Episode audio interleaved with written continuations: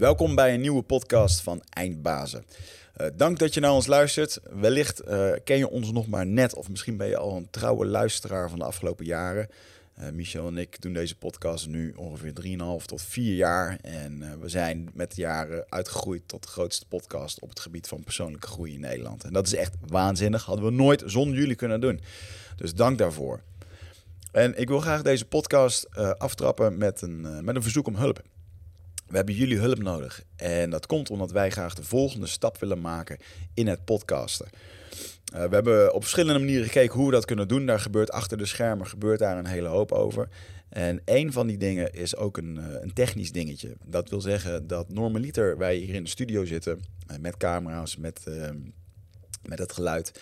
we nemen dat op en dat wordt dan later allemaal geëdit.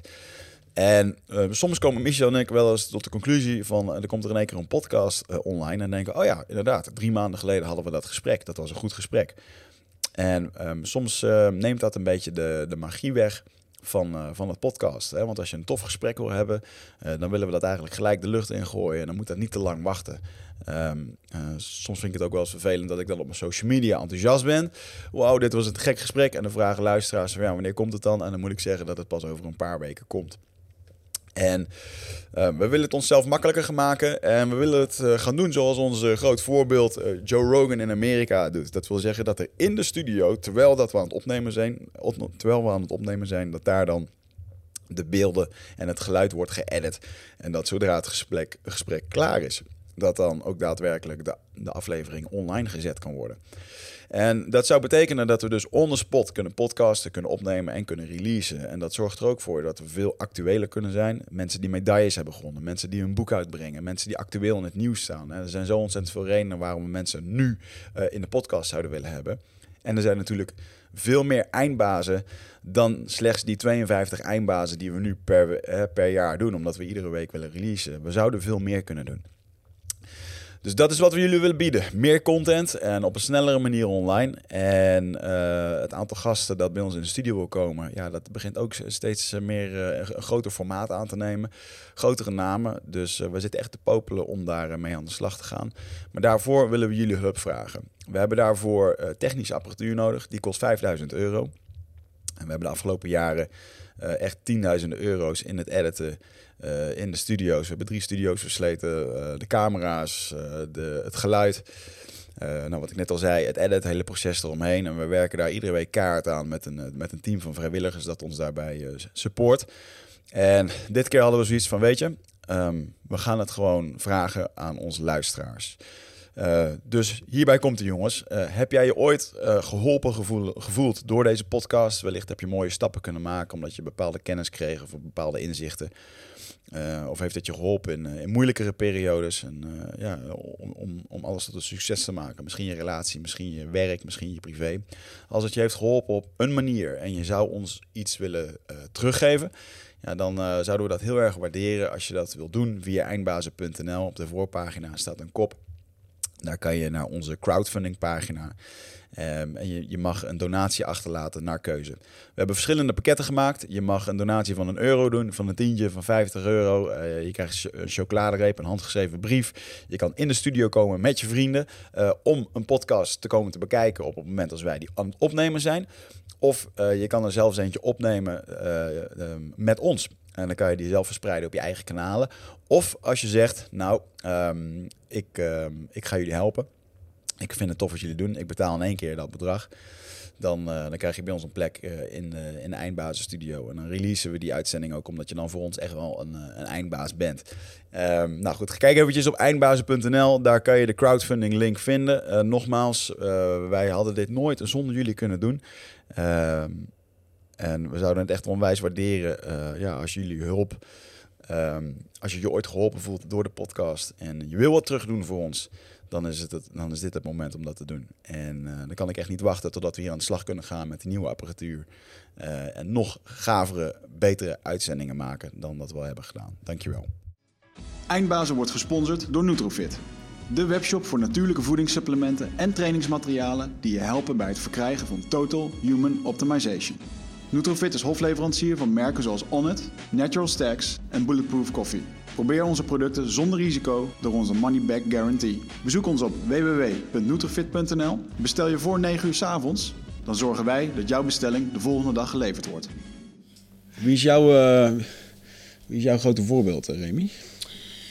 Mijn grote voorbeeld, dat is eh, nog steeds Mohamed Ali. Ook al is hij al overleden, maar dat is nog steeds degene waar ik heel veel van heb genoten. En voor mijn gevoel ook heel veel van geleerd heb. Ehm, kijk, ehm, zo'n man die daar in de ring staat, ja, die stond voor heel veel verschillende dingen. Niet alleen maar het stoten en het neerslaan van andere eh, tegenstanders, maar ehm, op het moment dat je als, als vechter kampioen bent en je moet eh, eigenlijk de oorlog in en je zegt van jongens, hey, dit is niet mijn oorlog. En je durft de ballen te hebben in die tijd Ja. om te zeggen van jongens, eh, op dat moment was het echt een white man's world. En hij durfde gewoon te zeggen wat hij wilde. Ja.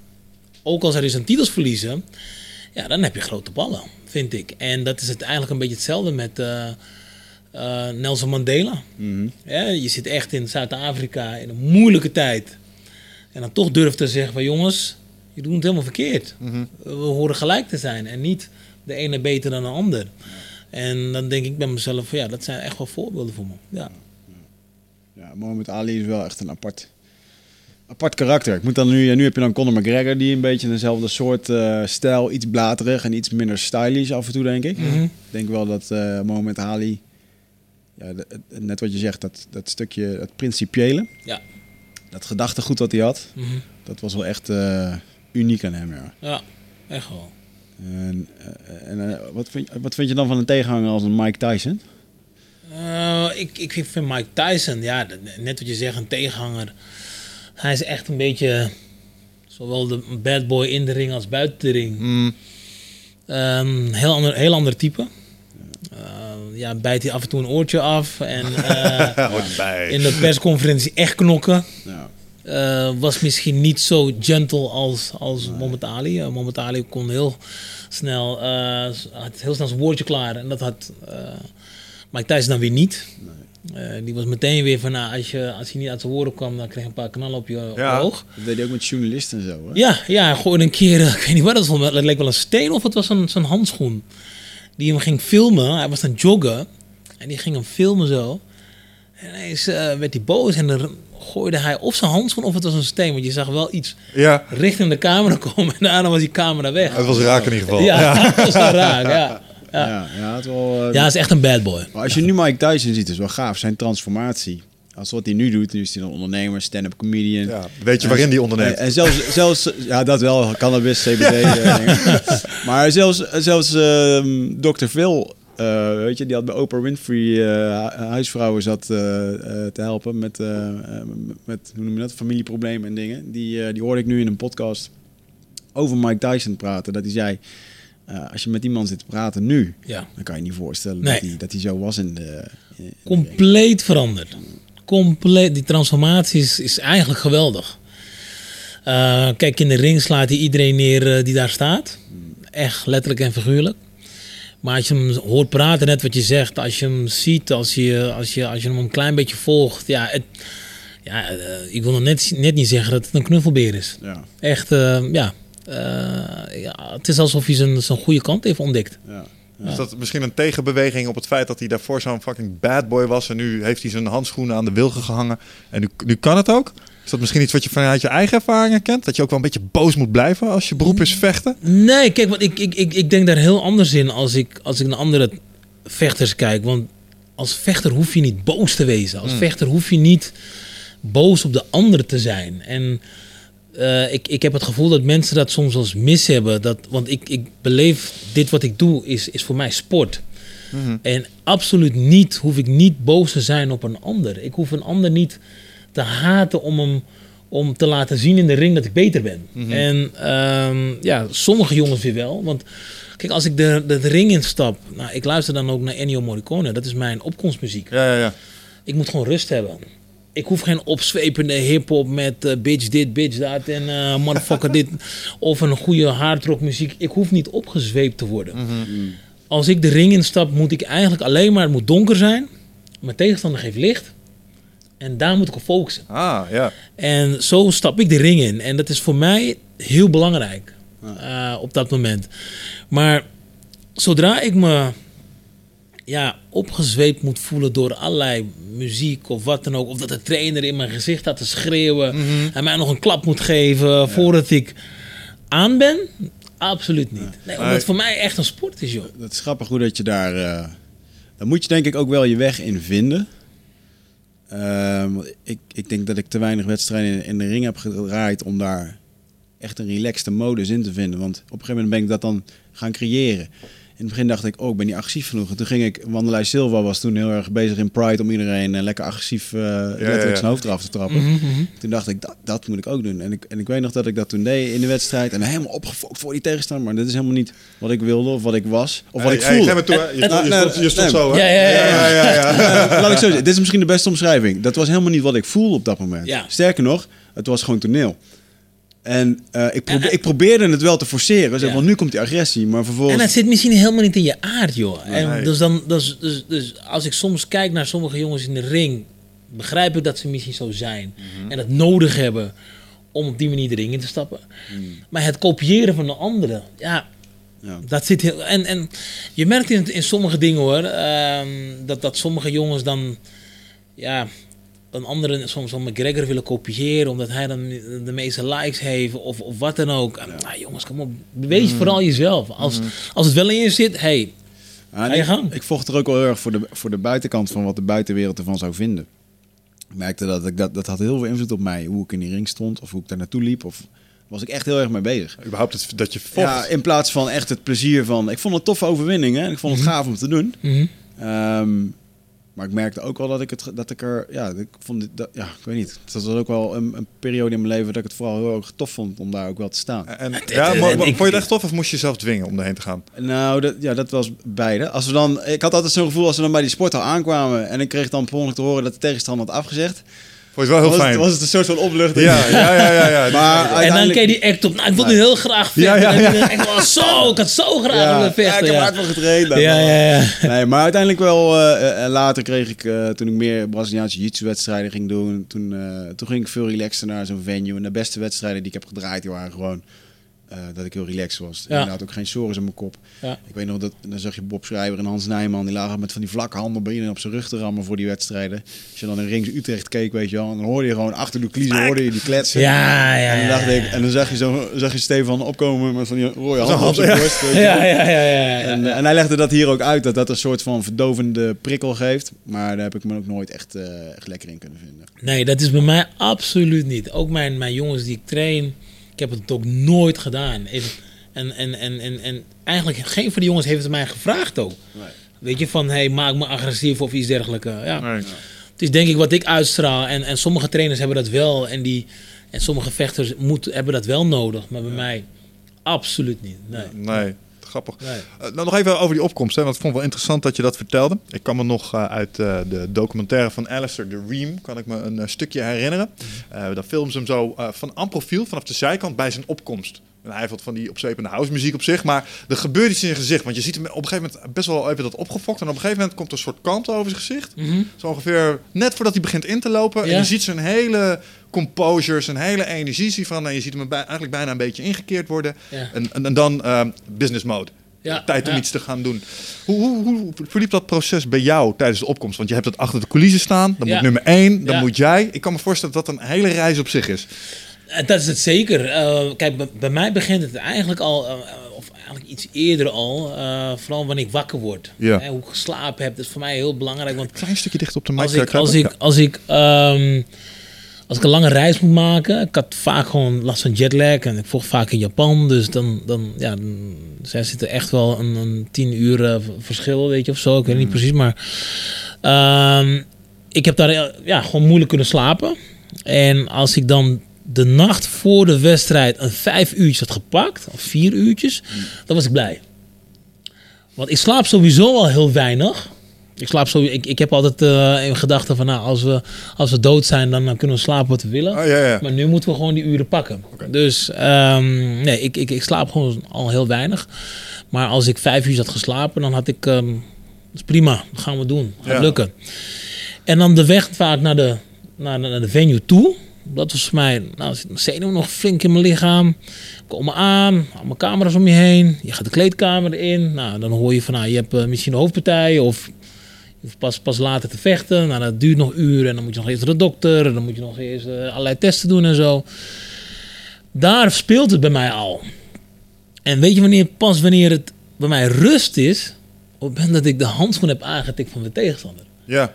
Dus bij mijn opkomst zit nog steeds die zenuw in mijn lichaam. En, en, en, en, en ik, heb nog, ik weet nog dat ik een keer eh, de ring in moest stappen. Dat ik gewoon in tranen uitbarstte. Ik denk echt een, misschien een twee, drie minuten voordat de catwalk opging. In tranen uitbarstte. Ik en dan gaat het door je hoofd van waarom doe je dit? Waarom, waarom kan ik, kon ik niet gewoon vroeger net als vroeger gewoon voetballen? Want dat Waarom deed ben ik geen voordat accountant? Ja. ja, voordat ik ging, ging, ging, ging vechten, voordat ik op kickbox zat, ren ik gewoon achter die bal aan, Mhm. voetballen. En dan denk ik van, ja, waarom ben ik gewoon doorgaan met voetballen? Zit ik hier een, een sport te doen waar ik de ander moet slaan en hij moet mij slaan. En is een gekke wereld en dat gaat, schiet dan door je heen. En toch loop je die catwalk op. Je wordt nog even eh, eh, eh, kalm gemaakt door je trainer. En dan ga je toch die catwalk op. En op het moment dat die, die, die, die, die, die, die coach zegt eigenlijk fight en, en je tikt nog even die handschoen aan, bam, is het helemaal weg. Mm. Is het helemaal weg. En dan komt die fight mode aan, die gaat die fight mode aan. En dan gaan we gewoon de anderen in elkaar slaan. Ja. Ja, Vreemd is dat eigenlijk. ja, Iedereen, iedereen heeft het anders. Iedereen heeft het anders. Want sommigen hebben het eh, net voordat ze, die, voordat ze die catwalk opgaan. En een andere die heeft het misschien pas wanneer hij een, een goede buik krijgt. En dan pas wordt hij wakker. Ja. Maar ik had het op het moment dat ik die handschoen had aangetikt. Dan, dan, dan viel een soort van last van mijn schouders. Ik dacht van oké, ja, Ja. alles wat ik geleerd heb, dat gaan we nu erin knallen. Ik had dat volledig andersom. Ik voelde me helemaal kalm totdat ik de handschoen aantikte en de eerste beuk op mijn kop kreeg. En toen dacht ik, wat ben ik hier in godsnaam aan het doen? Ik moet eruit. Ik wil naar huis. ik, weet nog, Stop. ik weet nog heel goed hoe ik de eerste klap eh, registreerde. Toen eh, was ook inderdaad handen, eh, handen. En toen gaf ik een jab en hij gaf er een rechterhoek overheen. Maar ik stond zo strak van de adrenaline dat het voelde alsof iemand mij met een leren knuppel in mijn gezicht sloeg. Ja, Ik, ik heb dat nog nooit eerder ervaren, maar zo voelde echt zo'n doffe klap die ik eigenlijk niet echt voelde. Maar wel gewoon, je voelde wel dat het Ja, op je hoofd kwam. Dat ik echt Ja. zo van, wow, ik voel het helemaal niet. Weet je wel? wazig, ja. Oké. en sowieso blijft het een wazig fenomeen dat je... eh, want die- als je in die ring staat, dat je niks aan de buitenkant ziet, of vrij weinig. Dat alle licht staat op die ring en dat er dan zo'n meneer langs je staat, die legt dan de regels uit. Wat bij mij echt compleet, dat hoorde ik niet meer. het gaat gewoon langetje. En, Ja, joh. ehm, Ja. en ook het luisteren naar mijn hoek. Ik weet nog wel dat ehm, mijn trainer Remco Padoel, die eh, beaamde een aantal vechters, eh waaronder Gilbert Eiffel, dat hij heel goed kon luisteren naar zijn hoek, ook ten Mhm. tijde van stress. En dat, eh, bij mij was er gewoon, ik hoorde Nee. één baas gewoon. maar het is wel een hele. En dat dan gewoon in één keer die bel gaat. En dat het dan, ja, dan, dan, dan sta je daar in dat hol van de leeuw en dan mag dat gewoon. Ja, het, is, het is wel belangrijk hoor. Hm? Het Luister is wel belangrijk, ja. Wat, wat bedoel je? Wat is belangrijk? Nou ja, dat je luistert naar je hoek. Ja, want op, ja. op dat moment sta je er een soort van alleen voor. Ja. Maar ja, hoe kan zoveel voor je betekenen? Eh, ik was best wel een goede... Ja, ik luisterde best wel goed naar mijn trainers. eh, André Manhart en Hippolyte. Ik luisterde vrij goed naar ze. En er zijn sommige momenten dat ik niet goed luister. Had ik mijn eigen plan. Ja. Eh, maar het is wel heel belangrijk om ze naar te luisteren. Want je staat er eigenlijk niet alleen voor. Je staat er als een team. Want de dingen die jij niet ziet... Die zien ze wel vanuit de hoek. Want zij zien wel van... Oh, hij stak zijn eh, rechterarm als hij die linker jab maakt. Ja. Of eh, als hij een rechterhoek maakt, sta- stak zijn linkerhand. Of zijn, zijn dijbeen is, eh, heeft ouw. Of weet Ja. je? Al dat soort dingen, dat hebben zij echt wel door. En als zij dat goed over kunnen brengen naar je... Dan is het zo belangrijk om het toch te horen en toch toe te passen. Want soms kom je terug in de hoek... En dan is het van, hey, je moet... blablabla. En soms gaat dat weer langs je oren. Ja, ja, ja, ja, ja. Maar dat is ook heel belangrijk om dat op te nemen. Maar dat moet je wel leren, denk ik. Dat wel, En, zeker. eh, ik, ik merkte dat ik, eh, als ik er nu op terugkijk en ik heb later veel op onderzocht, eh, dat ik gewoon niet wist om te gaan met stress in die ring op dat Mm, moment. Eh, terwijl als je bewust wordt wat er in je lichaam gebeurt, hoe dat je brein schakelt naar van heel bewust naar een soort van eh, reptiele brein wat maar probeert te overleven. En dat gebeurt als je een klap op je neus krijgt. Aha. Dat zie je ook dat als iemand aangeslagen raakt, dan eh, raakt hij zijn fijne motoriek kwijt. En, eh, en dat is eigenlijk het moment waarin niks meer binnenkomt. Ja, dan, dat is lastig hoor. Maar om dan te kunnen schakelen van oké, eh, ik ben nu overlevingsmodus, ik moet terug naar dat andere. En dat, ja, dat, interessant is dat. Ja, ik, ik, het, het zou eigenlijk mooi zijn als ze dat zouden onderzoeken. ja. Dat er een paar sensoren op je hoofd zitten. Dat, dat je als je in de ring staat voor een echte pot. Ja. Wat er dan met je brein of met je lichaam Ja. gebeurt. Dat zou ik zo interessant vinden. Ah, ik heb daar later een keer dus een cursus over gevolgd. Over, eh, want ik, ik bleef maar met dat stukje eh ehm, paralyzes by an analyzer. weet je wel, Mhm. dat je, of dat je bevriest en dat er Ja. niks meer gebeurt. En dit was in elkaar gezet door een Amerikaanse Navy SEAL... die mensen op stress eh, testte. En die Ja. deed dat nu met UFC-vechters. Dus, Mhm. Eh, en een van de dingen daaraan was gewoon realistisch laten wennen aan zijn kooi. Laat hem maar drie keer die kooi binnenwandelen. Met publiek eromheen, waarbij Ja. hij moet sparren. Of, of het, eh, ken je nog het fenomeen dat er vroeger twee voor de hele groep moesten staan... dan gaan we maar even sparren met z'n tweeën. Dan was er Ja. meteen spanning. Ja. Ja, ja, ja, Ja. En als je dat niet, niet, eh, niet vaak genoeg evenaart of doet, of misschien, ja, weet het niet. Ik, eh, Ja, dus, dus Wat- exposure is ja. de oplossing. Maar Wat hij daarin beschreef was ook, hij zegt, je kan een, een willekeurig iemand van de straat afpakken en vragen of dat hij een stoot op een, op een, eh, op een boksbal zet. Dan kan die, misschien kan hij niet goed stoten, maar hij kan een rechte stoot zetten. Maar kijk naar een YouTube-filmpje waar twee eh, gangsters eh, elkaar een beetje eh, eh, zitten uit te dagen en er valt de eerste klap. Dan ziet het er niet uit. Nee, dan, dan is nee. het geen vechten, weet je wel. Ja. En dat heeft te maken met die fijne motoriek die. Mhm, En hij mhm. beschreef heel goed met dat, eh, ja, hoe je brein dan schakelt en hoe je ook kan trainen erop. Dus als iemand een keer aangeslagen is, eigenlijk niet stoppen. Mhm. Uh, maar ga maar om zijn nek heen hangen, hou maar gewoon vast. En dat hij leert om terug te komen uit, dat, Mhm. uh, uit, dat, uh, uit die staat, om weer, weer helder te worden. Mm. En uh, ja, ik weet nog wel dat ik, dat ik later een keer met 60 km per uur door de mat heen ben gegooid door iemand. En dat ik echt zocht, dat ik echt op de grond viel en dat ik echt dacht een soort van, oké, okay, um, toen wist ik mezelf echt terug te pakken daar. Ja, en toen ja. weer terug, terwijl Ja, normaal okay. was het daar niet uitgekomen. Interesting. Ja. Um, ja, maar het had dan voornamelijk mee te maken met inderdaad uh, realistisch voorbereiden. Mm, mm, En mm. ik geloof Ja. dat Mohamed Ali daar ook wel eens over heb gehoord. Dat hij dan in de ring ging liggen. En dat hij gewoon ging liggen. Dat hij naar het plafond ging kijken. Uh, en dat En denken gewoon- van, dit wil ik niet zien als ik Nee, dit is, het, dit is niet het uitzicht waar we naar op zoek zijn. Nou, dat had dan meer met visualiseren te maken. Dat hij in die ring ging liggen. En dat hij gewoon... eh, dat, hij, dat hij alles gewoon helemaal voor zich zat. Dat het allemaal niet nieuw voor hem was. Mm. Nee, dat viel me met die shuto-galaatjes van Martijn de Jong ook altijd top. Als er dan Japanse mensen overkwamen, die gingen altijd... En je ziet het bij Glory tegenwoordig ook wel. De vechters die dan vo- voordat het gala begint, ze willen even in de ring. Ze Ja. willen even het canvas voelen, ze willen Ja. de touwspanning even Maar, gevoeld da- maar daar kreeg je, dat- daar kreeg je een, een, een moment voor hoor. Ja. Althans bij K1 weet ik dat nog van de, eh, ja, de ringcheck noemen ze dat. Dat staat gewoon op, het- op het programma staat de ringcheck tussen dus Remy ringcheck tussen ik zeg maar wat tussen twee en kwart over twee. Ja. Dan mocht je even de ring, even de ring voelen, even kijken of het wel of niet glad is, Ja. eh, even de touwen voelen. Ja, en als je, als je een kwartiertje had, dan ging je weer eh, de kleedkamer in. Ja, Ja. Hielp dat voor je gevoel? Ik vond het wel altijd lekker. Ja, ik vond het altijd even prettig om even daar te staan, even naar de tribune te kijken, even de ring te voelen. En soms hebben ze van die plakplaatjes op de ring. En sommige zijn wel glad. Ja. Ja. En dan weet je gewoon van, oké, hier moet ik wegblijven. Ja. Weet je, en dan kon je ook voelen van of de touwen eh, goed strak waren of niet. Want voor mij was dat altijd wel belangrijk, want soms gebruikte ik de touwen om mezelf te, eh, ja, lanceren. te lanceren voor mijn hoge ge- gesprongen knie. Dus Ja.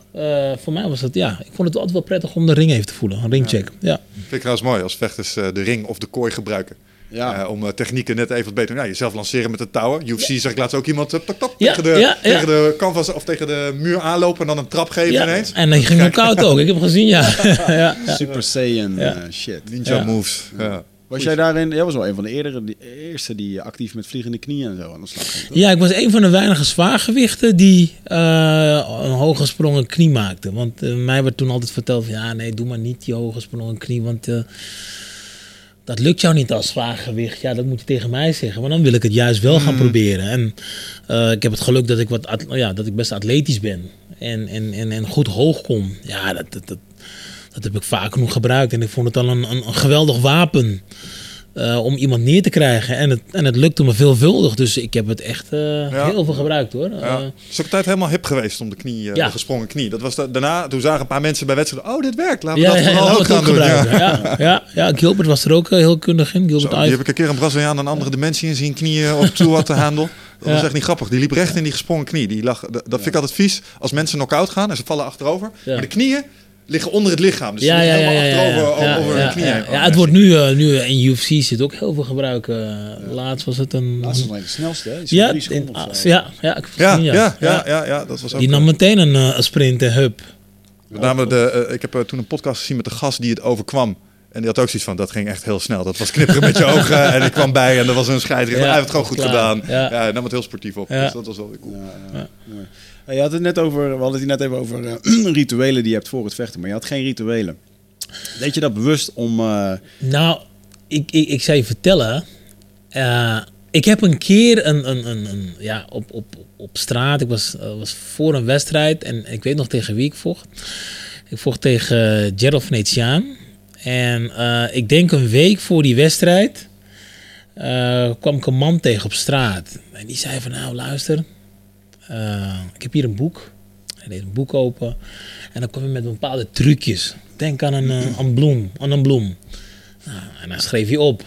Denk aan dit, denk aan dat, denk aan zus. En hij wist precies alles te vertellen van wat ik dacht. Ik dacht, oh, wauw. Ik vroeg hem meteen, hey, ga ik eh, volgende week winnen? Hij zei, nou, rustig aan. Ik zei, ga even zitten. En toen zei hij van, luister, ik heb hier een steentje. Als jij deze steen gewoon elke dag met je meeneemt... en ook in de wedstrijd meeneemt, een heel klein steentje was het... dan gaat het helemaal goed komen. En net voordat ik wegging, deed hij het boek aan een, een andere bladzij open... en daar stond een, een 25 gulden. Een biljet van 25 gulden, getekend. Dat moest ik erin leggen. Ah. Dus ik, Ja, ja. 25 gulden erin leggen. Die steen de hele week meegenomen. De wedstrijd gevochten. Vijf rondes pak slaag. Ja, ja, ja, helemaal afgetuigd. Ja, ja, ja. En dat was de laatste keer. Dat was de laatste keer dat ik dacht van, ik heb een ritueel. Want ik, ik, ik, de, ik- af en toe had ik ook wel eens dat ik dacht van... ehm, eh, slapen met de, met, de, met de wedstrijdbroek. Nacht voor de wedstrijd. Slapen met de wedstrijdbroek. Heb ik ook een drie, vier wedstrijden gedaan. Totdat het een keer misgaat. denk ik, nou, dat werkt. En, en, en op een gegeven moment heb ik gedacht van... Het bidden. eh alle rituelen en weet ik veel wat allemaal. Laat dat los. Want Ja, je moet gewoon keihard trainen. Je moet gewoon keihard je best doen. En al die dingen waar je een soort van kracht uit probeert te trekken. Stel je voor dat je dat op dat moment niet hebt. Wat Ja, dan? ja, ja, ben je Gaat het dan niet lukken? Ja, het dan ben je helemaal van slag. Het is angst in een soort vermomming lijkt het wel, weet je wel. Dat je, een, eh, ja, dat je altijd dat ene broekje aan moet om te kunnen winnen. Maar het is echt een fenomeen. Ik bedoel, is- er zijn zoveel topsporters die dit hebben. En dan valt dit nog mee, slapen in je broekje of zo'n zo'n steentje. Er zijn gasten die wisselen niet van boxershort een heel seizoen, weet je wel. Ja, ja, ja. En, Gewoon niet, want, want, want op, dat, op het moment dat het er niet is, of dat het niet lukt, je, je ritueel, wat dan? ja, Dan ben je lost. Wat vonden jou, eh, eh, heb je, want je komt het, eh, oorspronkelijk uit Suriname, maar dan heb je natuurlijk heel veel roots als het gaat om bijgeloof, voodoo, Ja. dingen, noem het maar op. Nul. Nul. heb ik niks mee. Heb ik helemaal niks mee. En ja, net wat je zegt, dat komt daar heel veel, eh, ja, vrij veel vandaan. eh voodoo en dat soort dingen. Maar ik heb er helemaal niks mee. Ik, ik, ik heb ook het gevoel van als je er niet mee bezighoudt, niet erin gelooft, gaat het ook niet overkomen. Er zijn zat kennissen, mensen die ik heb gekend, die wel erin geloven. En die zijn helemaal eh, koekoek geworden. Want die denken van ja, dat iemand een bepaalde vloek heeft uitgesproken. Ja. En, en die gaan daar ook in geloven. En die, ja, die springen op een gegeven moment van een flat af. Nou, dat gaat mij niet gebeuren. Nee. Ja, je kan dan wel, eh, je, legt het, je legt de kracht inderdaad ergens anders. Ja, ja. Hey, en, eh, maar ja, dan moeten we het toch even hebben over. eh, eh, het kan me bijna niet meer voorstellen. joh. Toen ik als een klein mannetje zat ik Milène de Hey te kijken, weet je wel, met het RTL 5 programma of Ja, zo. ja, ja. K1. ja. En, dat is de eh, Peter Aarts eerst. Dan praten we over 2007, 2008. We zijn gewoon bijna. eh, ja, het is bijna Volgens mij 12 nog eerder hoor. Ja, het zat in die... in die ja, 2000. tweede, Ah, wacht even. 2001. 2009. 2000, Ik zit hier in 2000 2009. Eh, 2008, 2007. Milène, knok door. Eh, nee, dat was al in Eerder 2000. Dat was eerder hoor. Het was al 2004 en zo. Ja, volgens mij. Nog eerder. Was- ik, was ik, de ik K1 er toen al? zweer het je, ik, toen, toen was ik nog niet bij dat clubje. Ik keek ook daarna. Ja. Ik keek ook daarna. Milène Wauw. was in de, uh, was in de was ergens van- 2000, 2001, 2002. Ah, wacht eens even. Jij, bent, jij hebt je debuut gemaakt in 2003. Ja, Ja. En, daarvoor, voordat ik er zat, keek ik er al naar. dacht ik, zo, Dat wil ik daar ook. wil ik bij horen. Ja. en toen ging ze met Peter Aerts mee. Ja. En, met, eh, En toen raakte Peter. Aarts geblesseerd. En toen ging ze NS de Hoos volgen. Dus dat, ja, ja, ja. ja. Hoe heb jij eh, die begintijd van Japan? Want dat is wel gewoon echt een magische tijd eh, geweest. Geweldig. ja. Ja, dit is, dat is, dat is, ik, ik, denk dat, ik denk dat nog steeds menige vechters, of ze nou willen of niet kampioen zijn, daar best jaloers op kunnen zijn. Ik, ehm, K1 is tot op dit moment nog niet geëvenaard. Eh, en dan heb ik het echt over het kickboksen. Als ik kijk naar UFC zijn ze er misschien nog wel zelfs eroverheen. Maar de K1, wat ze daar in Japan deden, je werd gewoon er naartoe gehaald en dan was je eigenlijk al een held. Voordat je gewonnen had, voordat je wedstrijd gevochten had, was je al een held. Maar zij zeggen van luister, als je die ring instapt, als je ring in durft te gaan met, met zo'n tegenstander, dan ben je voor ons al een held. Je werd daar echt ontvangen als een rockster. Mhm. Ehm, als je daar landde op Narita Airport, stonden er al eh tig journalisten en eh, fans die je op kwamen zoeken. Eh, eh, de lobby, die zat gewoon constant de hele dag vol met fans. Die bleven daar wachten totdat je even bij de receptie moest wezen. Of Ja. wat dan ook. Of daar langs liep.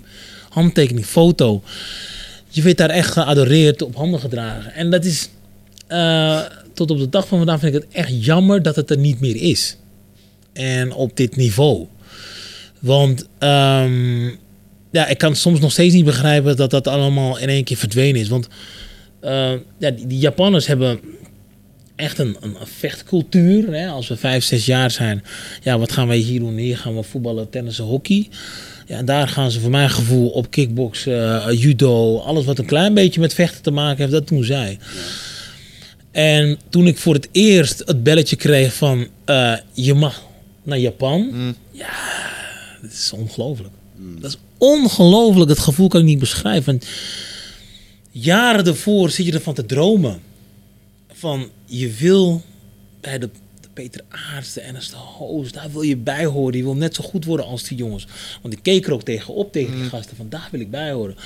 En nog voordat ik daar zat, heb ik nog een tijdje met Peter eh, mogen trainen.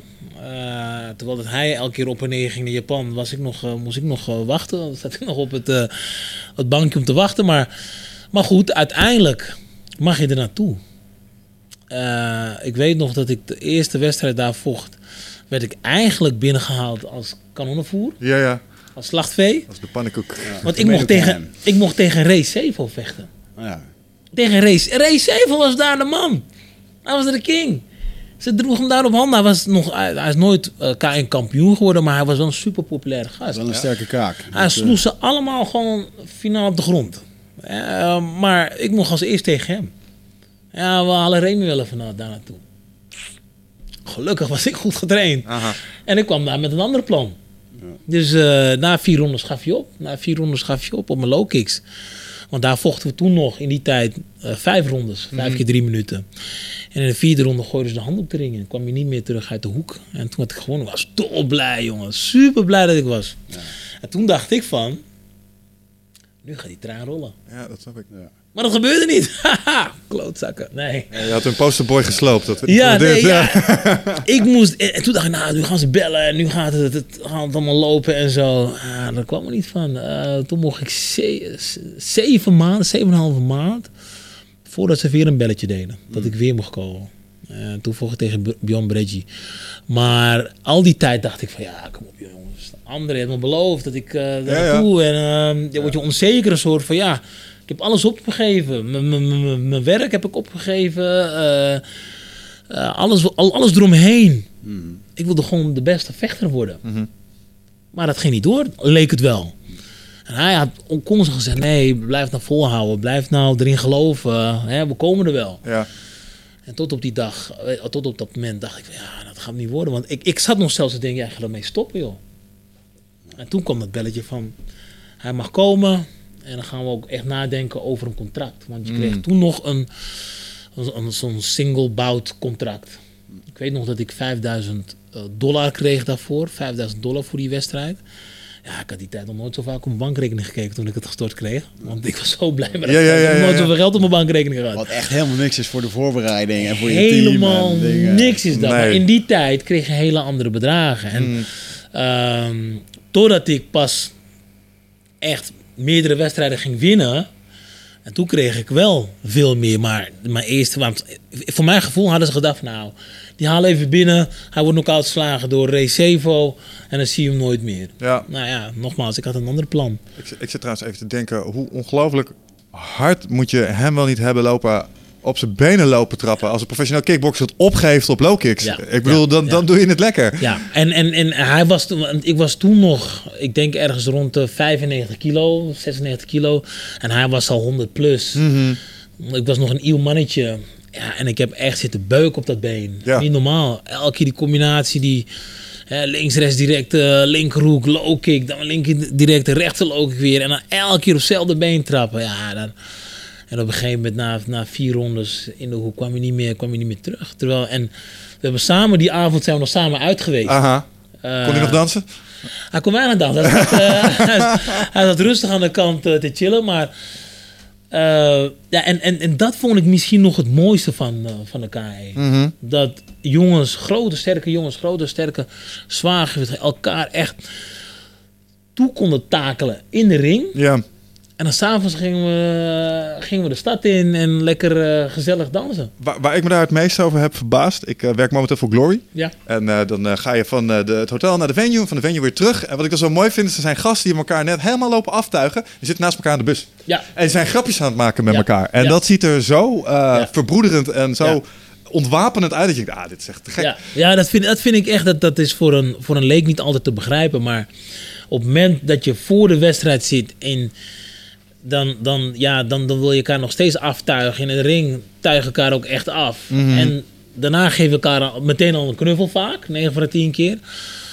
En dan kom je elkaar nog in een, in een hotel tegen. Dan ga je nog een keer babbelen over ja, wanneer moet jij weer vechten en hoe zit het en hoe, hoe is je vo- voorbereiding geweest. En dan, ja, dan, dan word je gewoon matties van elkaar. Ja, grappig is dat, hè? Ja, heel, heel grappig. Heel interessant. Ja, leuk.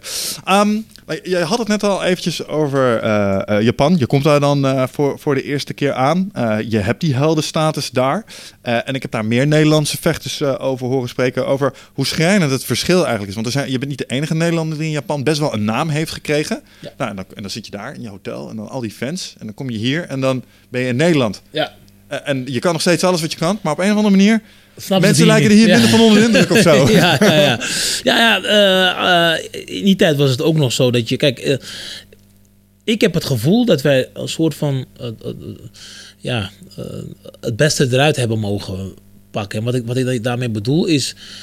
Twee, drie weken zat je in hectiek. Mhm. Weet je, want je kon je, kon je kamer, je, je, je hotelkamer niet uit... of er zaten fans aan je armen. Ja. En daarna was je weer in Nederland. En dan was het gewoon weer, kon je gewoon rustig naar de Albert Heijn lopen. En zonder dat iemand eh, eh, aan je zat te trekken. aan de ene kant was dat echt wel fijn. Geloof me, dat was echt wel fijn. Maar aan de andere kant voelde je niet echt de waardering hier in Nederland. dat steekt misschien toch ergens wel. Nou ja, ehm, als ik, eh, ik, ik, vond het, ik vond het jammer, want daar in Japan, dan zat je zeg maar, eh, de minister van Sport, eh, die schudt jou aan de hand en die zegt Ja. van heel geweldig. En de, daar de burgemeester en allemaal hoge pieven, die vonden die, vonden die geweldig. Je zit daar op primetime op tv, waar gewoon ze haalden kijkcijfers van 18%, waar ze dat hier in Nederland nooit zouden halen. Maar er kijken eh, 50 miljoen mensen mee, alleen maar uit Japan. Eh, 140 landen kijken er gewoon mee. En dan denk je van, hm, in Nederland, daar snapten ze het nog niet. Nee, daar ziet de wethouder je als een onderdeel van een criminele organisatie. Juist, juist. En dat was zo vreemd. Dat was zo vreemd. Want als er dan bijvoorbeeld gezegd wordt van... hé, hey, eh, we gaan iemand uitnodigen om eh, de, de, beste spo- sporters en dat soort dingen... werden we ook niet uitgenodigd. Mhm. Werden we niet uitgenodigd. En dan, hoe, kijk, natuurlijk, de K1 was niet onderdeel van eh NRC NSF en dat zat niet aangemeld. Maar dat we ze ons tenminste uit kunnen nodigen, omdat we ook sporters zijn. Want er werd gewoon naar ons gekeken alsof we niet sporters waren. Ja, er zijn mafkees die elkaar in elkaar slaan in de ring. Ja. En, dat- en op een, een of andere manier heb ik het gevoel dat we hier in Nederland een 10, 15 jaar elke keer achterlopen. Want jongens, de UFC, wat nu iedereen denkt te kennen, dat bestaat al. Ik heb nog videobanden Ja, man. waar, waar Orlando Viet en Gerard Gordeau gewoon aan het knokken waren. Weet je, dan praten we over een, eh, wat bijna 30 jaar terug. Laten we vooral Remco Padul niet vergeten. Ja, bijvoorbeeld. Weet je, dus, 96 was dat. ja, Ja. dus, 94. dus, dus in die tijd was het al populair. Misschien niet helemaal populair eh, boven de grond, maar het was in ieder geval populair. En op een gegeven moment is het in de wereld heel populair geworden. En wij komen er elke keer achteraan. K1 is al zo lang al een, een geweldige sport overal ter wereld. Eh, kickboksen overal ter wereld. En het lijkt alsof we nu misschien een zes, zeven jaar terug het ontdekt hebben. Ja, Zo, weet je. wow, en sommigen komen naar me toe, sommige reporters die komen naar me toe, die zeggen van, hey, had je het niet geweldig gevonden om gewoon nu pas of tien jaar later in de, in, in de vechtsport te zitten? Dan denk je van, volgens mij weet je niet wat ik heb meegemaakt. Ik heb, dus, ik heb meegemaakt dat er gewoon 70.000 mensen mijn naam riepen. Dat Die, die, die zaten Bonjaski, Bonjaski. Had je zo'n Saitama Arena. Ja, Saitama Arena, Tokyo Dome, eh, weet je, je had de Osaka Dome. eh, dat waren allemaal venues waar, waar gewoon meer dan 40.000 man in Ja, pasten. En dat was ook niet zoals de Zilvermeeuwen, gewoon eh, Nee, een ga- nee, weet nee. je wel, gewoon een sportzaal met een ring. Nee, Ja. zat productiewaarde achter. Nee, Ja. nog, die jongens bij Pride, dat waren, die hadden hele orkesten er zo af en toe zitten om de intro tune te Ja, spelen en zo. Nee, dat klopt. Want, Te gek. want bij, bij, eh, als, je, als je in de finale volgt, hadden ze een 100 man orkest hadden ze daar. Fuck. Als je gewoon daar opkwam, die speelde gewoon jouw tune. Ja, ik, ik weet nog in 2003 presenteerden ze alle, de, alle acht vechters. Mhm. Mochten we allemaal in een bolide zitten en dan reden ze een rondje door de Tokyo Dome om je te, om je te presenteren. De showcases. Ja, dat is. Ja, dat maak je nu niet meer mee, joh. Nee, man. Dat maak je nu niet mee. En dan, en dan ja, als iemand mij dan vraagt van, ja, eh, had je niet tien jaar later geboren willen, zeg ik, ja, ik ben gek. Ik had dat niet willen missen. Dat had ik voor geen goud willen missen. Absoluut niet. Ja, wel, eh, en wat ik eigenlijk denk dat ze bedoelen als ze die vraag stellen, is: eh, had je het niet mooi gevonden om nu de waardering te krijgen in eigen land, waarschijnlijk, die er nu wel aankleeft? Want als je bijvoorbeeld kijkt, hè, Rico is een mooi voorbeeld, Ja. Glory, ja, het lijkt, wel, het lijkt wel op alsof het mainstream begint te worden. En dat er daadwerkelijk ook eh, een, een eh, redelijke carrière achteraan kan worden gebouwd. Wat, wat vroeger ook wel een stuk moeilijker was. Ja, vooral de, de, de, de overstap was moeilijk. Van recreatief naar professional worden. Dat is moeilijk. Ja. En het is nog steeds moeilijk. Want eh, er is nog steeds niet een sponsor die zegt, althans niet heel veel. En ik, had het, ik was blij dat ik toen destijds wel een sponsor kreeg. Die zei van Remy, want ik had, kijk, ik had gewoon een normale baan. Ik werkte gewoon bij, bij een vershotel. Dat, was, dat is de Tele 2 van nu. Een vershotel. Die, die waren eh, als eerste met ADSL. Dat, wat nu eh, super langzaam is. Maar in die tijd was dat. Waren zij de man. Daar werkte ik gewoon en als netwerkoperator. En op een gegeven moment krijg je dan de kans om te zeggen van... Oké, ik heb een vast contract. Ja, ben ik blij. Kan het huur betalen, kan eten, kan van alles ermee. Eh, maar ik ben ook nog steeds aan het kickboksen. Maar eh, ik wil gewoon mijn droom achterna gaan. En toen heb ik op een gegeven moment gezegd van... Jongens, ik stop ermee. Ja. Ik stop met werken.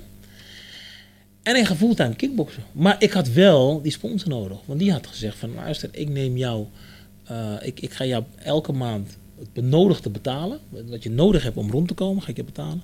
En dan kan jij gewoon gaan kickboksen twee keer per dag. Want eerst had ik gewoon één keer... Wat, wat, dan moet zo even kijken. Drie, vier, maximaal vier keer per week aan trainen. Om, en dan was ik A-klasser. En dat is niet genoeg. Nee, nee. Want mijn tegenstanders, ja, die waren wel gewoon twee keer per dag aan het trainen. En die waren een portier of wat dan ook, weet je. Die konden gewoon twee keer per dag trainen. Om tegen mij te vechten. Ja. En dan, dan ging het af en toe mis. Bij mij dan. Want ehm, als je maar eh, ja, drie, vier keer in de week kan trainen. Ja. Want je moet ook nog gewoon werken op kantoor. Ja. Dan heb je nog niet genoeg, heb je zelf je, je talenten nog niet genoeg ontwikkeld om eh, mee te doen met de echte jongens. Wat te zwijgen over je herstel. Het liefst zou je naar de training gaan rust pakken, maar dat kan niet. Moet je, Nee, moet je hersenwerk doen, wat Ja, ook energie ja, kost. Ja, ja, ja. dus dat, dat, dat, dat ging niet. En, en, en, en nu nog steeds is het moeilijk hoor. Want er zijn nog steeds jongens die de stap willen maken om professional te worden. En dan moeten ze ergens vandaan moeten ze steun krijgen. En als die steun niet krijgen, dan, dan gaat het ze niet lukken. Want we hebben zoveel talent hier in Nederland. Dan heb ik het echt niet alleen maar over, over kickboksen hoor. We hebben zoveel, als je kijkt naar gewoon hoeveel, hoe groot ons land is, eh, hoeveel inwoners zitten er. Er zitten wat 17 miljoen, misschien hebben we er 18 miljoen al aangetikt. Komt hier zelfs 19 miljoen, dat weet ik niet precies. Maar als je kijkt naar onze voetballers, als je kijkt naar onze tennissers, als je soms kijkt naar eh, onze kickboxers, als je kijkt naar... We hebben een aantal hele goede zwemmers gehad hier in Nederland. Dus we hebben zoveel talent hier in Nederland. Mhm. Alleen denk ik van ja, de staat zou dit iets meer moeten steunen. Ja. Het bedrijfsleven zou dit iets meer moeten steunen. Want nog steeds is het zo, als je hier als sporter, Olympische sporter, klaar bent, is maar een klein handje wat daarna kan zeggen van, ik heb het goed gedaan, ik kan nou over, achteroverleunen. Ja. En dat is er gewoon. En dat vind ik wel jammer, want welk land dan ook, of je nou in Amerika zit of eh, andere landen, als je daar topsporter bent geweest, dan hoef je je hele leven niks meer te doen. Ja. Ja. Krijg je college betaald, dingetjes. Ja. Ja, het begint al heel snel. Eh, want, want je zegt het, nou, sorry, sorry dat ik je onderbreek, maar eh, want je zegt het, ehm, Nederlanders, ja, veel topsporters, maar toch, als je kijkt naar het vechtsportlandschap, dan is er wel iets wat Nederlanders onderscheidt eh, Ja. daarin. De- de- Er bestaat iets en dat noemt Joe Rogan Dutch kickboxing. Mhm. Eh, en er lijkt een, eh, eh, een, eh, de populatie lijkt hier dikker of zo. Als het gaat om getalenteerde kickboxers, er is Ja. een bepaalde stijl. Mhm. Ehm, hoe kijk jij daar tegenaan? Wat maakt ons zo bijzonder in dat eh, internationale speelveld? Wat doen Nederlandse kickboxers wat internationale kickboxers niet doen? Nou ja, ik, het, het is eigenlijk heel simpel. Eh, denk ik aan de ene kant. Ik denk dat er meerdere antwoorden daarvoor voor zijn. Eh, ik denk dat wij ten eerste het spelletje gewoon iets beter snappen. Eh, wij werken, hè, Dutch kickboxen, wij werken heel graag met een trap. Rechter low kick, daar Ja. werken we heel graag mee. Eh, het is alsof je ja, de pilaren van een huis weghaalt. Waar een, een, een, een- ja, het fundament van een huis weghaalt. Dan stort die in. Als ik een linker jab moet maken, een linker directe, moet ik instappen, moet ik mijn linkerbeen gebruiken. Ik moet instappen. Alle kracht of alle gewicht komt op mijn linkerbeen. Als ik een rechter directe moet maken, moet ik ook instappen. Als ik een linker trap moet maken. Nou, zo'n beetje 70% van wat ik moet, als ik wat wil gaan doen, kom ik op dat linkerbeen te staan. En als je dat linkerbeen uitschakelt, door mijn links, rechts, directe linkerhoek, rechter logic te maken, Ja. linker, directe, rechter logic te maken, dan zit je al heel dicht bij een knockout. Dan heb je, zit je al een heel dicht bij een opgave van de tegenstander. En als je dat spelletje gewoon goed begrijpt, want er zijn zoveel trainers die nog steeds roepen van, ah, nee, we gaan hem eruit slaan. Ga nou eerst die benen wegwerken. Ga nou eerst die benen kapot maken. En als je dat heel goed kan doen, dan kan je daarna gaan, ja, dan kan je, heb je het voor het uitkiezen knockout. Ja. Dan kan je heel makkelijk een knockout uitkiezen. En dat is gewoon, ja, en kijk, het gevaar van een low kick maken, is dat je ook pijn gaat krijgen. Want als hij een blok, als hij zijn been optrekt, dan heb je gewoon pijn. Ja. Maar ja, uit de generatie waar ik vandaan kom, vonden we dat helemaal niet zo, vonden we dat, vonden we dat geen probleem. Was dat niet relevant? Nee, dat is niet zo belangrijk. Weet je, want of je nou een, een goede dikke ei op je, op, je, op je scheenbeen hebt. Ja, wij werden dusdanig getraind op die manier dat je voor een tweede wedstrijd moet gaan. Moet gaan. Want daar trainden wij op. En sinds dat weggevallen is, dat toernooivechten, merk ik heel erg dat, die, dat die low kicks gewoon weinig gebruikt worden. Ja. Dat, op een of andere manier. En, en dan om, om terug te komen op je vraag. Ja, ik, ik, ik denk echt wel dat wij hier in Nederland niet alleen maar de Dutch kickboxing stijl, hè, werken met die low kicks, er helemaal in, in, goed ingevoerd hebben. Maar we hebben gewoon hele goede trainers. We hebben ontzettend goede trainers. Die niet alleen maar een keertje eh, de tegenstander bekijken, maar gewoon goed analyseren van ja, tegen wie moeten we nou vechten? Tegen wie moeten we nou gaan kickboksen? En Ja. hoe is hij? Wat doet hij? Wat, eh, wie is dat? En het zijn allemaal zelfknokkers geweest. Ja. Met een bepaalde achtergrond. Eh, mij is ook wel eens verteld, je moet niet onderschatten wat Kyokushinkai in Nederland heeft betekend. Als het gaat om die hardheid, weet Ja. je wel. Never surrender, never Ja. back down. Gewoon, oh, het doet zeer, gewoon nog een keer schoppen. Ja. Weet je wel, dat idee. Want ja, bij mij is gewoon vaak gewoon verteld, en dat, dat doe ik ook, want mijn, al mijn pupillen weten dat. Ook al zeggen ze tegen me van, ja, ik, ik heb last van, dat we komen terug in de, naar de eerste ronde, ja, ik heb op een blok getrapt en eh, ik heb pijn aan mijn rechter scheenbeen. Dan zeggen, hé, hey, fuck it, je gaat gewoon weer trappen met dat been. Hij is nog niet stuk. Ja. Zolang je nog niet stuk is, kun je er gewoon mee trappen. Dus dat krijgen ze van mij te horen. En eh, ja, de trainers die dan gaan roepen, ja, dat trap je met je linkerbeen. hey, tuurlijk moet je ook met je linkerbeen trappen. Tuurlijk, moet je ook gebruiken, moet je ook afwisselen. Maar ga gewoon het linkerbeen weer kapot maken. Ja. gaan gewoon weer die combinatie maken en gewoon weer trappen. Ja, ik denk dat mensen die niet kickboksen echt... ehm, ik denk dat je dat onderschat. Wat een low kick eigenlijk doet. Want, want je denkt altijd, eh, je wordt uitgeslagen op je hoofd. Dus als je een klap op je neus krijgt of op je kin, daar ga je op knockout. En zo'n low kick, ja, eh, het ziet er wel geinig uit, maar daar ga je toch niet op knockout. Alleen als je twee goede low kicks hebt gehad, eh, dan beweeg je gewoon anders. Ja. Of, of niet meer. Het, het is alsof iemand met een, met een honkbalknuppel constant op dat dode vlees staat te rammen. En op een gegeven moment zak je er doorheen. En, en, en dat is vaak, hè, eh, dat is vaak al een voorbode op een mooie knockout. Want iemand die elke keer op mijn linkerbeen staat te trappen of op mijn rechterbeen, op een gegeven moment ga je er zelfs naar willen grijpen. Van niet meer op dat been. en dan gaat het En dan omhoog. gaat Ja, dat been omhoog. En ja, het, het is eigenlijk gewoon heel simpel. Maar het wordt vaak heel moeilijk gemaakt. Ja, soms zit ik naar petfilmpjes te kijken van andere trainers. Denk ik van... Dat gebruik je niet eens in een wedstrijd. Ziet er fancy uit, Het maar... ziet er fancy uit. Links, rechts, eronder doorduiken en dan weer. En dan pff, allerlei flikvlak. En dan, en dan zie ik die trainer erop slaan, jongen. Tak, tak, tak, tak, tak, tak. Dan vraag ik me af, wie is er nu aan het trainen? Ja, ja, ja. ja. Is dat die trainer of was dat die vechter? Ja, ik, ik, ja ik, dat is weer een ander onderwerp. Maar Ja, ja, ja.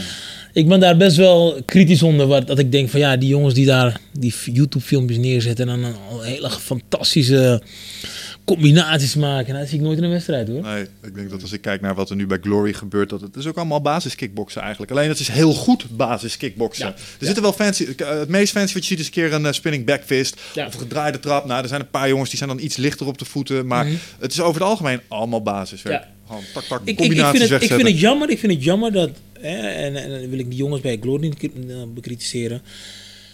Maar dat ze niet zelf een eigen stijl creëren. Een eigen ding, een eigen. eh, Ik, ik zie nog te weinig jongens die zeggen. Die, waar, waar- waar- als mij gevraagd wordt van. hey, beschrijf eh, vechter A. Wat, wat is al speciaal aan hem? Mhm. Ja, dat mis ik nog een beetje. Als, ik, als ik gewoon kijk naar Peter Aarts. Maar het is bijna de lumberjack Ja, harde low kicks. Ja. Dan wist je gewoon van jongens, harde low kicks. Labanner met zijn harde stoten, rechtsvoorstaand, weet je.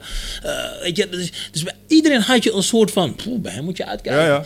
Eh, weet je, dus de Feitoos had met zijn, eh, zo- zijn question mark trap, weet je. Dus bij mij had hij gesprongen knie, kijk daarvoor uit. En dat vind ik soms nog een beetje jammer bij Glory, dat ze Ja. niet een soort signature...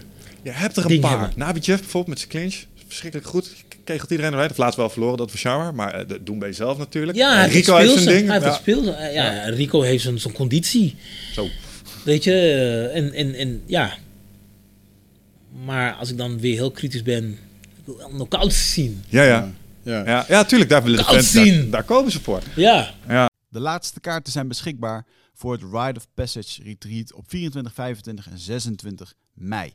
Ben jij erbij? Het is een volgende stap in je persoonlijke groei. Eh, een weekend waarbij de belofte is dat het een tikkeltje oncomfortabel gaat worden. Maar daar ligt natuurlijk wel gewoon de groei om meer helderheid te krijgen in je leven. Om uit je hoofd te komen, in het lichaam. ehm, achter te laten wat je niet meer dient. En om echt de volgende stap te maken door de oude patronen te doorbreken, te doorzien, te doorvoelen en, en te helen. En daarvoor wil ik je heel graag uitnodigen.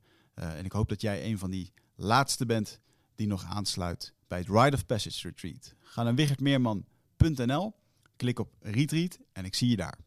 ja.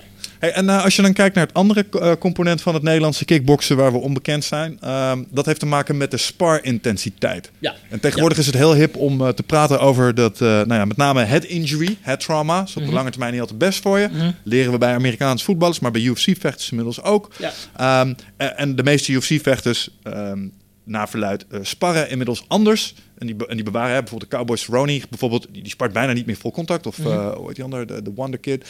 Ehm, die, die, die licht toucheren en die bewaren de echte impact voor de wedstrijden. En als ik kijk naar een gemiddelde sparles in eh, Nederland, dat gaat 80, 90 wedstrijdjongens, soms 110 procent eh, in, de, Ja. in de sparwedstrijdjes. ja, ja. Ik snap dat het je goed maakt, maar misschien is het ook niet duurzaam. Wat vind jij ervan? Eh, wat ik van vind, ik vind het moeilijk. Ik vind het moeilijk, want ehm, hard sparren, dan leer je eigenlijk gewoon wat er. Ja, je zit bijna, of misschien zelfs net zo hard te sparren als in een wedstrijd.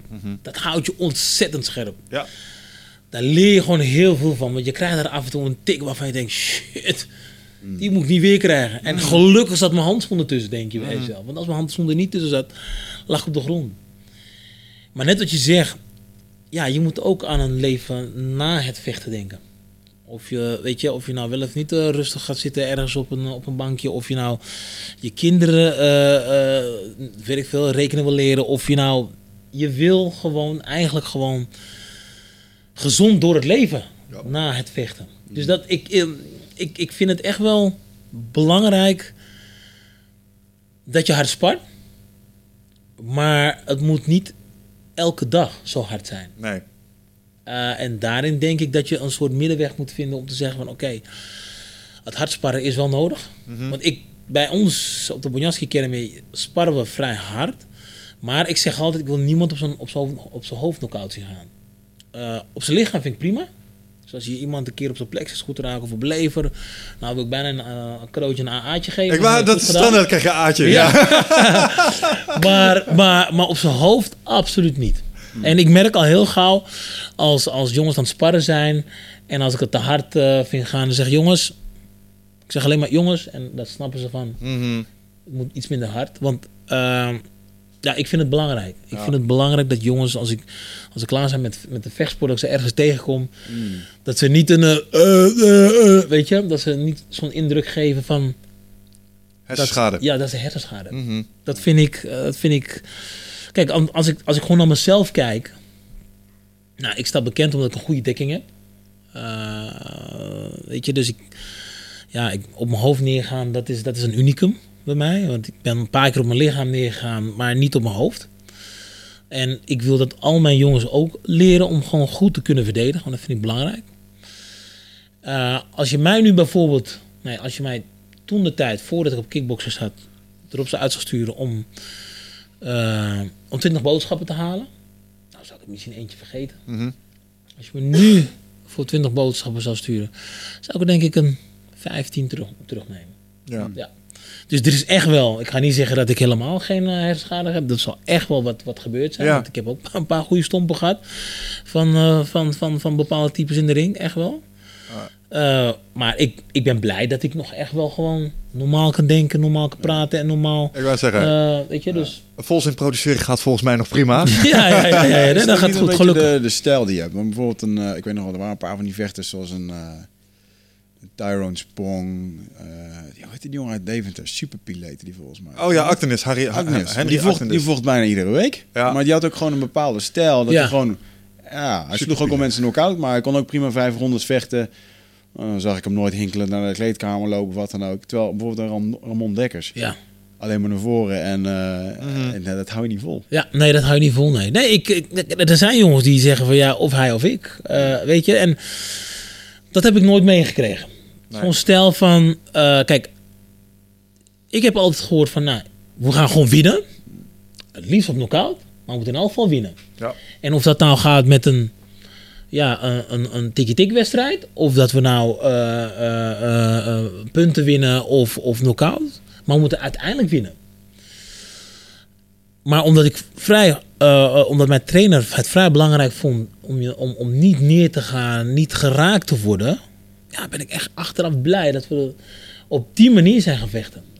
Echt, ben ik echt serieus. Want je moet de boel entertainen. Tuurlijk, je moet de mensen die komen kijken, die betalen heel veel geld om mij eh, in de ring te zien. Dat vind ik heel belangrijk. Maar ik vind het ook belangrijk dat iedereen eh, ook gezond de ring uitgaat. Ja. Ja, En, en, en na jaren, want ja, elke tik die je krijgt is misschien één te veel. Ja, en dat zit ik ook aan het denken, want je zegt dat ja, ik ben niet super vaak op mijn hoofd geraakt. Nee, maar je hebt wel een hele goede dekking. En iets wat mij ook alsof ik heb ook wel eens fanatiek mogen sparren. En denk je, oeh, dit gaat er ook wel op. En dan denk je ook, hey, blij dat de handschoen ertussen zit. Uh, want als hij er niet ertussen had gezeten, had het nog veel meer pijn gedaan als dat het nu doet. Met andere woorden, zelfs met je dekking ertussen, dat maakt ook een dreun. Nou, maar net, je, zegt het heel goed, want eh, vaak wordt er gezegd van, eh, eh, er zijn, er zijn laatst twee, twee, twee boxers zijn dood gegaan. En dan wordt er heel gauw gekeken naar van, oké, wat gebeurde er in de ring? Wat gebeurde daar nou? Was je geraakt? Was je niet geraakt? Had de scheidsrechter moeten stoppen? Bla, bla, bla, bla, bla. Maar er wordt vaak niet gekeken van, wat is ervoor gebeurd? Ja, precies. Wat is er voor gebeurd? Spart hij zijn hele leven alleen maar keihard en wordt hij af en toe tijdens het eh, sparren neergeslagen? Want het, het, het gebeurt niet alleen maar in de ring, dat die harde stoten. Nee. Het gebeurt daarvoor ook. Dus daarom denk ik van ja, er moet niet alleen maar gekeken worden naar wat, wat, wat er in de ring gebeurt. Er moet ook gewoon gekeken worden naar wat gebeurt er voor. Die sparsessies, die sparsessies hoeven niet altijd keihard te zijn. Die hoeven niet altijd keihard te zijn om een goede vechter neer te zetten. En ik zal het anders neerleggen. Er was een periode dat ik eigenlijk alleen maar met lichte jongens aan het sparren was. Ja. Ja, kijk, eh, jong- jongens verhuizen eh, van de ene sportschool naar de andere sportschool. In de tijd dat, Peter, dat ik samen met Peter mocht trainen, aan twee, drie jaar, nou, konden we lekker sparren met elkaar. Maar op een gegeven moment zei hij ook van, nou, ik ga naar een andere club. Ja. Ja, ehm, sommige jongens gaan mee. Ik blijf. En dan heb ik eh, wat lichtere jongens, ja, 70, 75, 80 kilo. Ja. Waar ik mee moest sparren. Ja, en dan moest ik me ook, mocht ik geen harde beuken geven. Want ja, je kan niet tegen een eh, jongen van 70 kilo een harde beuk uitdelen. Want een dekking of niet, hij, hij, hij, eh, ligt dan knock-out. Gewichtsklasses bestaan niet zomaar. eh. Nee, begrijp ik, begrijp ik. Maar je moest wel met ze sparren. Zo hielden mij wel scherp. Ja. Ja. Zie je hem? En dan moest ik me aanpassen op hun snelheid. Ja, dat is, loods, dat is loodzwaar. Maar, achteraf ben ik echt wel blij dat ik dat gedaan heb. Want mijn, mijn, mijn tempo, ik kan tempo draaien op die manier.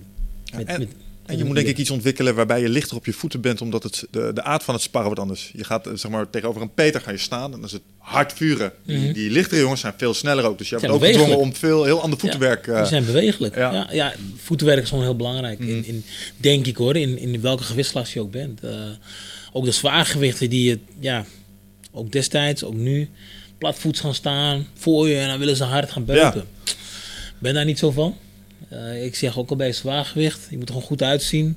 Hè, licht op voeten eh, eh, kunnen zijn. En als iemand je aanvalt, moet je weg kunnen bewegen, weg kunnen stappen. Je moet naar voren kunnen bewegen. eh, je moet alle kanten op kunnen. Ja. En als je, anders word je te, ja, te statisch. Ik weet niet of dat vroeger ook al zo was, maar dat is iets daar wordt eh, bij Glory wordt daar door de juryleden ook op eh, beoordeeld. Ehm, eh, ring generalship heet dat volgens mij. Eh, of generalism, ik weet het niet. Maar dat, dat is hoe jij de ring als zeg maar eh, oppervlakte waarop je de wedstrijd aan het knokken bent, gebruikt in je voordeel. Dus als jij heel goed bent in afsnijden, een hoek induwen, middels je voeten werken, hem zo klaarzetten. Oh, jij weet jezelf in de ringtouwen te positioneren, perfect.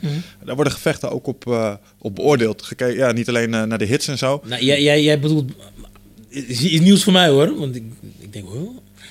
word je daarop beoordeeld? Nou, ze nemen het mee. Dus eh, ze In kijken, beoordeling? Uh, ja, ik weet dat juryleden als ze kijken naar bijvoorbeeld een, eh, een 8-8 Mhm. of eh, het, het staat gelijk, ehm, van hey, wie, was er, eh, wie was er in de ring tactisch beter? Ik weet dat het een onderdeel is van de beoordeling van een gevecht los Maar, het, van de maar het is dus niet degene die, die in zijn vooruit gaat, de wedstrijd wil maken. Want dat werd dan in elkaar even vaak eh, eh, gebruikt. Is degene die vooruit vecht, degene die de punten wil Ik denk dat het daar ook... Werd- ja, zeker. Ja. Die werd dan nog uitgeroepen als, kijk, als het dan gelijk werd, dan werd degene die de wedstrijd wilde maken, nog vooruit liep, ja, die werd dan uitgeroepen als winnaar. correct. Ik denk dat het, Oh, daar, dat het daar tegenaan Oh, oké. Maar er is, een, er is een fenomeen, dat is onmiskenbaar. Ik bedoel dat als jij slim eh, het, het ringkanvas weet te gebruiken... en je gaat op de juiste plekken staan... dan kun je het gesprek, het, het hele gevecht behoorlijk insturen. Bedoel, het is Mhm. Los van trappen en stoten... Ja, is dat ook gewoon een skill eh, die erbij komt kijken. Ja, nee, dat, dat begrijp ik zeker. Maar ik niet dat, het- ze dat ook in de ja, beoordeling meenamen. Ik denk dat het een goede beoordeling is dat op het moment als het echt zo fucking close is. En je moet dan ergens op kiezen, dan zou je dat soort dingen mee kunnen. Ik geloof Ja. dat je bij de UFC hebben ze op een gegeven moment ring damage erbij. eh, eh, of de ring damage. Dat is hoe de- fanatiek je met, de, de schade met de ringpaal stond te slaan. Nee, gewoon of iemand zijn gezicht in elkaar lag of eh, Ja, ja, ja, ja. schade Ja. gemaakt. Ja, weet je wel? ja, ja. Je hebt toch nog wel eens een keertje voor George St. Pierre, die had volgens mij eens een keer een partij ge- gewonnen. Dat Mhm. heel zijn gezicht in elkaar lag. En eh, dat die andere gewoon echt eh langs Dus stond. dat ja. Maar wel verloren. Die kon nog een ronde. Hey, Je noemde net een aantal dingen, vind ik interessant eh, concept in vechtsportland. Eh, een paar jongens gaan weg bij een gym en eh, nemen een aantal mensen mee en gaan voor zichzelf eh, doen. In, eh, in vechtsportland is dit voor menig trainer eh, en leerling is dit wel een ding. Ja, Hoe heb jij dat eh, ervaren? ik vind het, eh, ik vind het een leuk onderwerp eigenlijk eh, dat je dat aanhaalt. Omdat, eh, ja, da- da- daar zou iets voor gedaan moeten worden. Kijk, ik bedoel, iedereen mag ondernemer spelen en iedereen mag zijn ding doen. Kijk, het, het, het verhuizen naar een andere gym was in sommige ehm, ja, hoeken was dat niet altijd even netjes. Want eh, ja, ik zat bij mijn jury gym. eh ja, je Shakuriki, uh, Vos gym. Dat was niet zo heel cool om Ja, naar, de, los, naar de buren te gaan. ja. Hè, Misschien ook niet super gezond voor je. om dat Nee, nee, nee. Eh, maar goed, eh, tegenwoordig heb je het nu zo dat als je een, een, een, een jongen die, eh, ja, die komt binnen, je leert hem wat stoten, je leert hem wat trappen en die is eh, een half jaar verder en die denkt van, hé, dat kunstje kan ik ook. En die begint een, een halve kilometer verderop, begint hij ook een, een gym. Ja.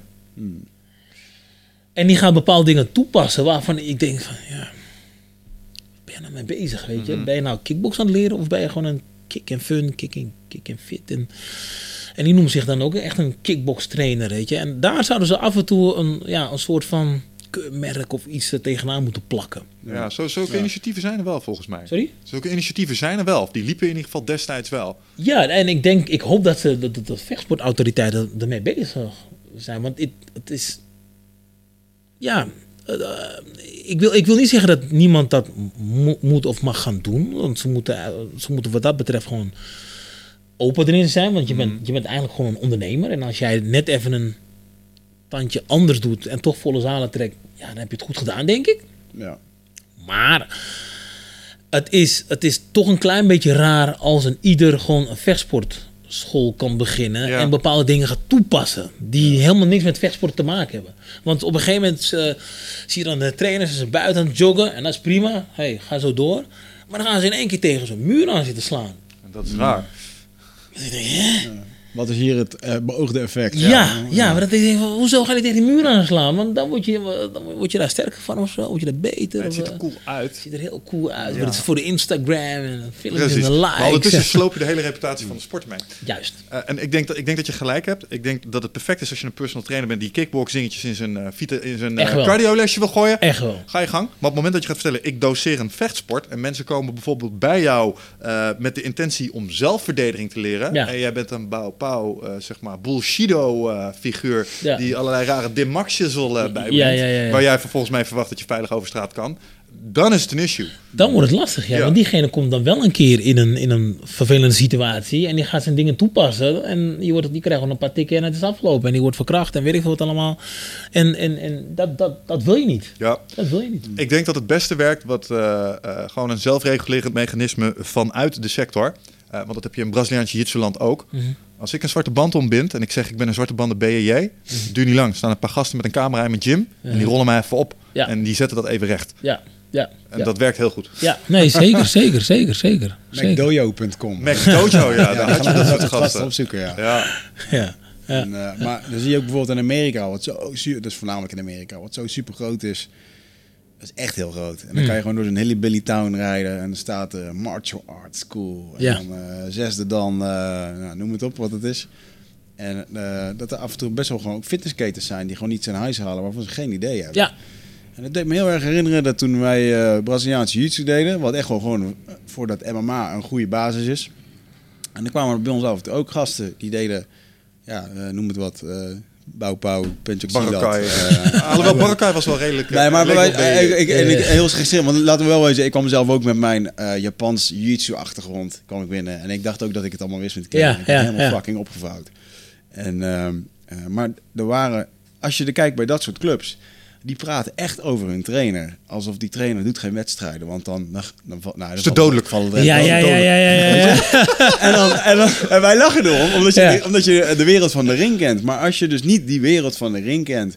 en je kent alleen maar dat verhaal van... nee, wij kunnen dat niet doen, want dan... eh, die zijn er zo gruwelijk veel. Ja. En dat is gewoon ook... Ja, goed, Ik, bent- ik, heb, ik heb een keer een YouTube-filmpje ervan gezien. Dat, dat een gozer die. Hij kon echt jiu-jitsu. Die stapte dan zo'n sportschool binnen. En die ging dan vragen stellen aan die trainer. En die zei van. eh, laat me even wat zien. En dan ging die gast het laten zien. En, Ja, dan kom ik zo uit. En dan gingen ze ook een beetje een soort van spar op de grond. En die legde dan die trainer in de klem en zo. Dacht ik wel, wow, wow. Weet je, die, die, die, die, die deed een soort van eh eh, Fight Academy exposure of zo. Of iets dergelijks, weet je. En eh, vond ik wel grappig om te zien. En dat zouden ze hier af en toe ook moeten doen. Want soms, net wat je zegt, er zijn gewoon trainers. Daar wordt echt naar opgekeken. Terwijl die eigenlijk gewoon het niet snapt. En dat wil niet zeggen dat je direct de ring in moet zijn gegaan. Want er zijn een aantal goede trainers, hier, ook hier in Nederland, die zelf niet de ringen zijn gegaan, die wel hele goede trainers zijn. Je- nou ja, Ja. Mike Passinier. Ja, die heeft één keer, heeft één keer gevochten, ja. Ja, ja, dus heeft hij erin gestaan. Ja. ja maar, maar hij heeft niet. Kijk, maar dat is onmiskenbaar van de maar grote, ik heb, dus ja, ja. maar hij, hij, hij snapt het spelletje wel. Ja. Hij snapt het spelletje wel. En dat wil niet zeggen dat, eh, dat, dat, dat daardoor elke trainer die niet in de ring is geweest. eh, ehm, eh, het niet snapt, maar er zou ergens toch een soort Ja. van ja. Het keurmerk moeten staan. van Shooterbox, die had dat ook destijds. Shootbox? Ja, de trainer van Silva en eh, toen de tijd van Ninja, Rua en zo. En die, Ah, die had ja. zelf ook geen eh, echte... Maar die konden echt perfect het jiu-jitsu uitleggen, weet je Ja. wel.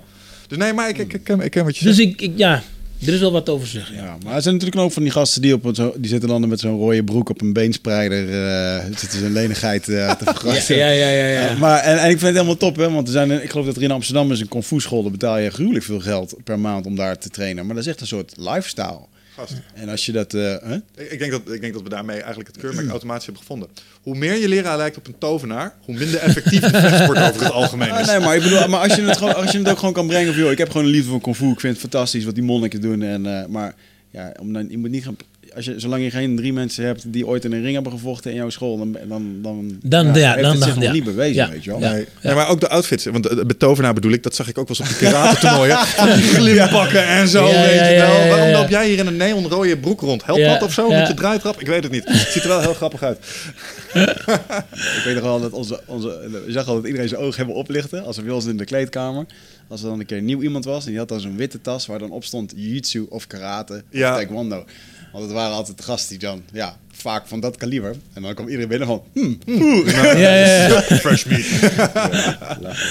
ja. Hey, maar wat ik eigenlijk, ehm, je, ehm, eh, je vertelde net iets inderdaad over eh, mensen die een andere sportschool gaan beginnen. Maar ik bedoel eigenlijk even iets meer op de eh, relatie eh, leraar-leerling. ja. Er is natuurlijk een hoop mee te doen als mensen gaan switchen. Het lijkt wel alsof je bijna... Je bent op een manier met elkaar getrouwd. Ja. En eh, eh, ja, benieuwd of naar jouw ervaringen of, of mening daarover. Eh, ja, ik heb, ik, heb, ik heb zelf een keer de overstap eh, gemaakt van, eh van Majiro Majiro Gym naar Vos Gym. Dus dan, dan was dat een soort van taboe. Maar, ehm, Wat vond men daarvan? Wat zei men daarvan? ehm, Dat is wel van Ajax naar Feyenoord, hè? Ja, Zoiets, Ja, zoiets, ja, ja. ja, ja, ja. ja, ja. Ze, ze waren er niet heel blij, blij mee. Maar ik, eh, ja, zonder eh, mijn oude trainer André Mannaert eh, eh, ja, af te kappen hier zo. Het, het, het- ik, ik had gewoon iets meer nodig. En daar is wat ik naar zocht. En, en op dat moment hadden we een discussie ergens over. En ehm, ja, toen kwamen we er niet uit. Ja. En toen eh, hebben we elkaar de hand geschud. En zo zijn we uit elkaar gegaan. Maar ik vind het, ik vind het, ik vind het soms wel moeilijk als, als je een, een, een jongen, en, en ook voor de mensen die, het, eh, eh, die niet weten hoe dat proces werkt. Kijk, iemand komt binnen, die is een jaar of 10, 12 jaar, die begint, je begint, eh, die, die begint dan bij jouw sportschool te trainen. Je werkt hem helemaal op totdat hij A-klasser is. En dat is, dat is echt investeren. Investeren. En dat geld ga je nooit terugkrijgen. Want hij is een jaar of tien. Hij moet ergens in Limburg vechten. Je rijdt er na- naartoe, naar Limburg. Nou, al die uren dat je daar aan, Ja, aan besteden bent en de voorbereiding, weet ik veel wat allemaal. Je bent daar de hele dag op zo'n zo'n event. Dan weer terug. Nou, en nou, dan vecht hij weer in Groningen, dan weer in Den Haag, dan weer daar. En, nou. en dat gewoon jarenlang. Nou, dan is hij uiteindelijk A-klasse. En nu is dat moment voor die trainer om te gaan shinen met die jongen. Nou. En dan zegt hij van... Ik ga bij een sportschool, andere sportschool trainen. Want hij is daar, heeft hij gehoord van... Hé, daar krijg je een nieuw trainerspak. Een gratis trainerspak. Of je krijgt, eh, of je krijgt wat anders gratis. Ja. Dan zijn ze weg. Ja. En dan gaan ze bij die nieuwe trainer die, had, die eh, hun had beloofd van... nee, ik breng je bij eh, K1 of bij Glory of wat dan ook. Dat heb je nu ook heel veel. Dat, eh, dat er sommige trainers zeggen van ik breng je... En dan gaan, maken ze die overstap. En dan hebben ze die overstap gemaakt, maar ze laten die trainer wel zitten. En dat vind ik niet cool. En dat vind ik niet cool. Ik kan best begrijpen als je zegt van ja, ik kom niet verder daar. Ik kom niet verder bij die trainer. Want dan moet je echt wel die keuze gewoon maken. Maar ik vind dat er toch een soort van afspraken moeten zijn. Want die, die, die trainer heeft ook zijn ziel erin gestopt. Je bent meer dan Matties. Je bent, ja, het is bijna je, je eigen zoon. Of, je- of je dochter. Weet je, waar je mee bezig bent. En dan laat je die toch achter. En dat vind ik soms, in sommige gevallen, vind ik dat best pijnlijk. En, en hoe, eh, je zegt dan, dan zouden we, meer, zouden we meer afspraken over moeten maken. Wat zou dan een voorbeeld van de afspraak zijn? Kijk eens naar de voetbalwereld. Je bedoelt dan dat je... eh, Ik zeg, niet, ik zeg niet direct dat het in... ja, misschien weer wel. Want Gaat het hierin over geld? ehm, niet, niet, die- alleen, niet alleen geld. Het- Ik, ik, is ook loyaliteit. ik- ja, soort, ja, een stukje loyaliteit, ja. En het is, het is, het is, het is moeilijk om die trainer dan, dan soort van weg te schuiven. Hij heeft me al die jaren naar het punt gebracht. En dan ga je shinen. En dan stap je weg. Kijk, eh, ik ben ook weggestapt bij André Mannaert. Maar toen hadden we al twee titels op zak. Ja. Weet je, het is niet pas toen wij gingen shinen dat ik heb gezegd, ik, ik ga er vandoor of wat dan ook. Nee. Weet je, eh, je ziet het wel vaak genoeg dat, dat ja, sommige trainers die zeggen, ah, kijk hoe goed ik hem getraind heb. Ja, hij zit net drie maanden bij jou. Maar daarvoor zat hij bij eh, Sportschool X en daar heeft hij eigenlijk leren kickboksen. Hij heeft daar leren kickboksen. En, en soms worden ze niet altijd beter bij de nieuwe sportschool. Ik zie het vaak genoeg jongens die jarenlang bij een andere eh, eh, eh, trainer hebben gezeten. Die heb ik soms nog zelfs in de jeugd gezien. Dat ik dacht, zo, die wordt echt een goeie. En dan zijn ze op het podium van Glory. En dan denk ik van, ja, je bent nog steeds hetzelfde gebleven. Er is niks, je hebt je overstap gemaakt. Je bent weliswaar bij Glory. Maar er is niks veranderd. Je bent niet beter geworden. Waar je ze vroeger allemaal bij die andere trainer. sloegen ze allemaal netjes knock-out. En had je mooie acties. En dan was je echt een, een, een jongen voor de toekomst. En nu ben je er eigenlijk. Ben je gearriveerd. gearriveerd. En dan zie ik niks nieuws. Dan zie ik niks. Geen vordering meer. Je stijgt niet meer. En dat vind ik soms wel, soms wel jammer hoor. Ik ben, eh, ik, ik ben het wel met je eens dat er bij een herloop dan een soort van lijkt dat vuur dan in één keer een beetje te doven. Maar Eh, er is bijvoorbeeld één vechter waarbij ik die die transitie wel heel goed heeft weten maken. Dat is Ellerster. Meerdere keren van team geswitcht, meerdere keren bepaalde keuzes gemaakt. Daar vond iedereen een hele hoop van. Ik vind het wel mooi dat hij daar gewoon- durft te staan. Van, ja, Mhm. Het beviel niet of ik kon er niet krijgen wat ik wilde. Geswitcht en toch nog weer een soort groei of comeback erin kunnen maken. ja. Eh, daar vind ik Ellerster wel uniek in hoor, wat dat betreft. Zeker. Op zich is Alistair überhaupt toch gewoon uniek. Omdat Mm. als je kijkt naar wat hij gepresteerd heeft. Ja, zeker. weet je, in verschillende ehm, eh, organisaties daar kampioen geworden. Andere organisaties kampioen geworden. Staande, eh, eh, op de grond. Eh, dus hij heeft echt wel, ja, wat dat betreft is hij uniek. Als hij straks nog UFC-titel binnenhaalt, is hij de meest ja, Ja. 100%. de meeste titels gewoon binnengehaald van welke vechters dan ook. Maar laten we dan Alistair als casus nemen. Want denk je niet dat er een houdbaarheid zit op de, eh, op de relatie, eh, eh, zeg maar, trainer-student? Dat je op een gegeven moment misschien ook wel uitgeleerd bent ergens. En zou dat, dat, kunnen. dat, dat, het, want ik denk dat, ik weet nog, bij het MMA was er ook altijd, met name Bob stond daar bekend. Die vond het niet tof als jongens elders trainden. Ja. Terwijl ik dacht, maar het zou echt supergoed zijn. Want als die boys eens wat vaker bij ons in Deventer trainden, eh, dan werden ze misschien iets bestendiger tegen de shoots. Ja. Snap je? Dus Ja. je kan een heleboel leren van, of eh, soms heb je een docent en die legt het net even anders uit. Waardoor het waardoor kwartje je het helemaal snapt. Oh, dit was het, dit kon ik. Dit. Dus ik denk dat het tegelijkertijd ook heel waardevol is voor de vechter op zich, als hij vanuit verschillende stromingen in ieder geval de input krijgt en daar uitpikt wat hij zelf vindt. Vind jij dat ook? Of denk je, mm, Nee, ja, er is voor beide kanten wel wat te zeggen. Ik bedoel, eh, de, de, de, de vechter die verhuist naar een andere trainer en daar zijn ding gaat doen en het echt wel begrijpt omdat die andere trainer het anders uitlegt.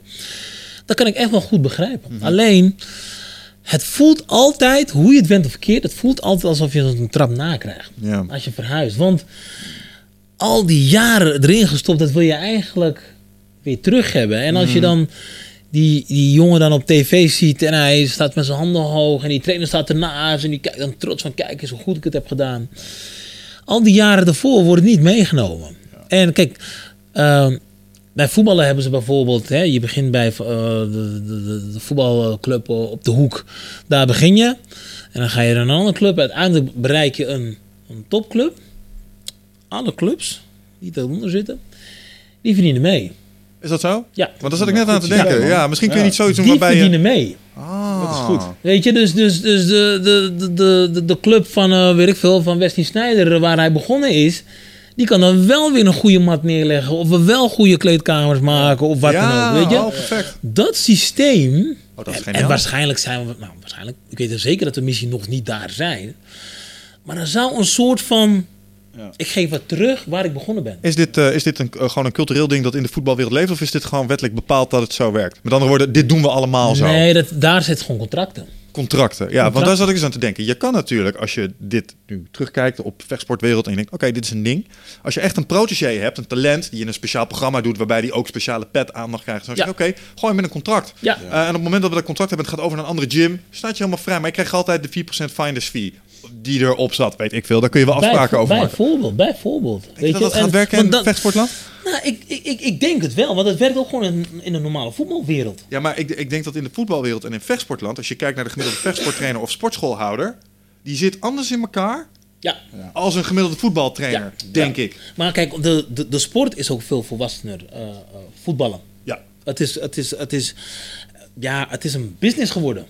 Het is, ja, je kan het nog amper sport noemen. Het is, het is echt een business geworden. Vooral, de, de mannen staan weliswaar op het veld te rennen en te doen en de bal te trappen. Maar er is gewoon een hele industrie erachter. Ja. Al die makelaars, voetbalmakelaars.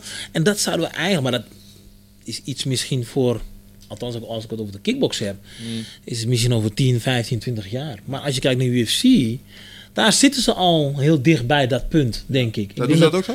Nou, ik zeg niet dat ze dat doen. Nee, van de die ze daar op een gegeven moment in het leven hebben geroepen... is dat ze geen contracten meer eh, afsluiten met managers... maar alleen met de vechters zelf. Omdat Ja. er heel veel geklooid wordt. eh. Nou Daar ja, kennen we ook nog wel wat verhalen Ja, over, die, toch? ja, ik Ja. die Don King ideeën. ja, En, het, en je had het zo straks over beloftes in de vechtsport. Ik bedoel, op een gegeven moment ging ik ook wat wedstrijden regelen voor, onze, voor ons team. En dan had je weer met een promotor gesproken en dan kwam je terug. En dan soms zelfs met een contractje van ja, vet, we kunnen er allemaal bij. En 9 van de 10 keer waren het gewoon loze kutbeloften. Ja. Er kwam er niks van terecht. Ja. Eh, nou, je weet het zo, hoe vaak zijn wedstrijden voor je afgezegd. Ja. Of, eh, laatste maar moment. ik denk dat het gewoon met de volwassenheid van de sport te maken heeft. Ja, oké. Ja. Ik denk dat als we iets verder zitten met, met het kickboksen eh, en, en, en ook bijvoorbeeld het bedrijfsleven erbij. En dan als we wel hier in Nederland geaccepteerd worden als gewoon sporters. Dan denk ik echt wel dat dat ja, misschien wel een kans heeft om, Ja. om, om de sport gewoon beter te reguleren. En het is wel nodig. Ik denk dat de voorwaarde is die industrie die erachter zit. Mhm. Want die, willen, die gaan verlangen van de atleten en van de organisaties. hey, regel dit. Ja, Want dit ja. kan niet zo. Weet je wel, daar krijgen we last van met elkaar. Dus dat moet niet. En ik denk dat als die industrie achter de vechtsport... Ik denk dat bij de UFC dat punt al eh, flink aan het naderen is. Als ze er nog niet zijn. ja. Want da- da- daar is het al. Ja, het is, het is gigantisch nu. Weet je waar ik thuis zag? Dat alle sporters alleen nog maar een Reebok mochten lopen. Daar werden al overkoepelende afspraken gemaakt over Mhm. je sponsorships bijvoorbeeld. Oh, je hebt een leuk boekje, er staat eh Remy Bojanski, ken hem je op? Mag er niet op. Ja, mag Mhm. Ja. wel. Moet je 25k betalen aan Ja, de organisatie. ja, ja, en nog eens ja, iets ja. aan de vechter. Ja. En daar zie je een eerste vorm van regulering. Ja. Ja. Ja, ik denk nou dat ja, het, het zal heel gauw zijn dat ze nog een stap verder gaan natuurlijk.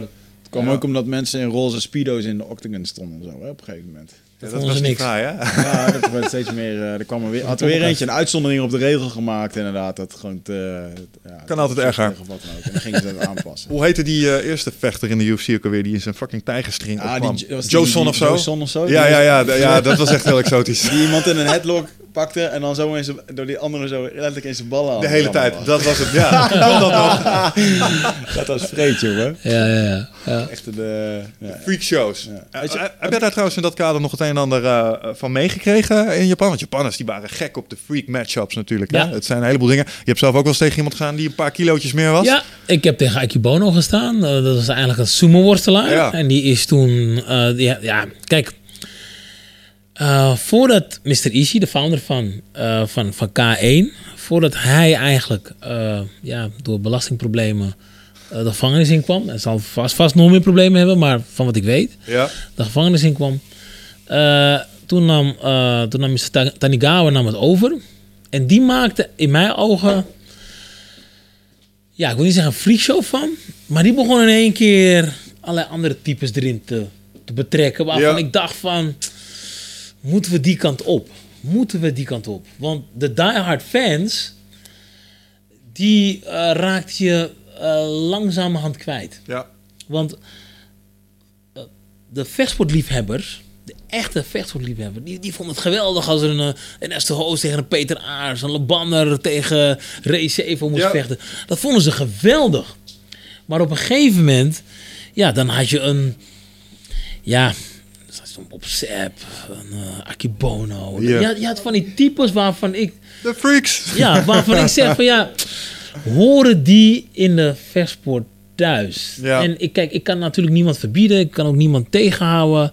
Eh, die, eh, kijk, wat, wat, ze wel, wat ze wel creëerden, zijn hoge kijkcijfers. Ja. Hoge kijkcijfers. Want je had in één keer verschillende werelden die bij elkaar kwamen. En had je de hoogste kijkcijfers. Ja. Maar de diehard fan, die dacht van... Ja, waar zit ik naar te kijken, joh? Nou, het zag er gewoon cartoonesk uit. Ik Want- weet dat het niet de K1 was, maar nee, bijvoorbeeld Genki Sudo tegen Butterbean. Ja. What the fuck? Dat zijn Ja. zelfs verschillende gewichtsklassen. Ja. Kijk, jij bent een, oké, een heavyweight, een akkerbonus, dan een heavyweight plus plus, maar het zal bij heavyweight. Maar een featherweight, wat zal Gen- Genki Sudo zijn geweest tegen een, heavyweight? Die, die, die, die, man. die, die woog bijna niks. Maar, Hij en dan tegen... ja, maar het, het sloeg helemaal nergens op. Nee. Want ik vocht dan tegen Akibono, die woog 220 kilo. En ik woog 105.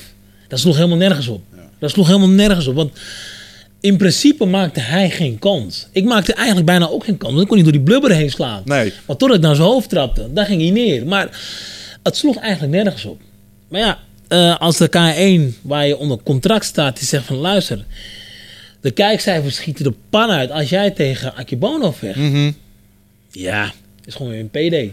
Was het misschien ook niet een verkapte poging van, eh, van de Japanners om wat tegenstand te genereren op de Nederlanders, die daar gewoon echt iets te veel aan het domineren Nou, waren? nou, als, als dat, als dat eh, was niet de beste keuze. Nee, nee, als dat een troef moet zijn. Nee, nee, nee, hou op. Nee, wij, wij domineren daar wel. Elk jaar weer. K1-finale van de acht mensen die er stonden. Van de beste vechters uit de wereld. Ja, daar stonden er vijf of zes vanuit een boel Nederland. Nederlanders niet.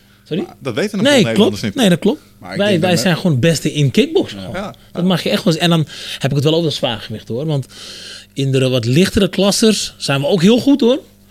Maar daar domineren we niet zoveel als bij de zwaargewicht. Nee, oké. Is Glory ook niet heel erg opgevuld? Is de- eh, eigenlijk wordt eh, in Glory wordt ook een beetje tegengehouden dat het vol staat met Nederlanders. Ja. Ja. Want Als ik op woensdagavond naar Mike Gym ga, Oh, dan zo. Ja, ja, ja. er staat half Glory daar. Ja, ja, ja, ja, ja, ja, ja. En ze kunnen er nog wel een paar weghalen. Ja, ja, ja, ja, ja. Ja, dus dat zal vast, vast een commerciële gedachte achter zitten. Want Ja. kijk, ik denk dat als ze alleen maar Nederlanders neerzetten, dan, ja, dan kijken de Roemenen niet meer. Of de Amerikanen. De Of wat dan ook. Amerikanen. Ja, want daar hebben ze heel veel geld op ingezet, op de, op de Amerikaanse markt. China en Amerika. ja, Wat, ehm, wat denk jij met eh, Rico eh, versus Badder? Hmm.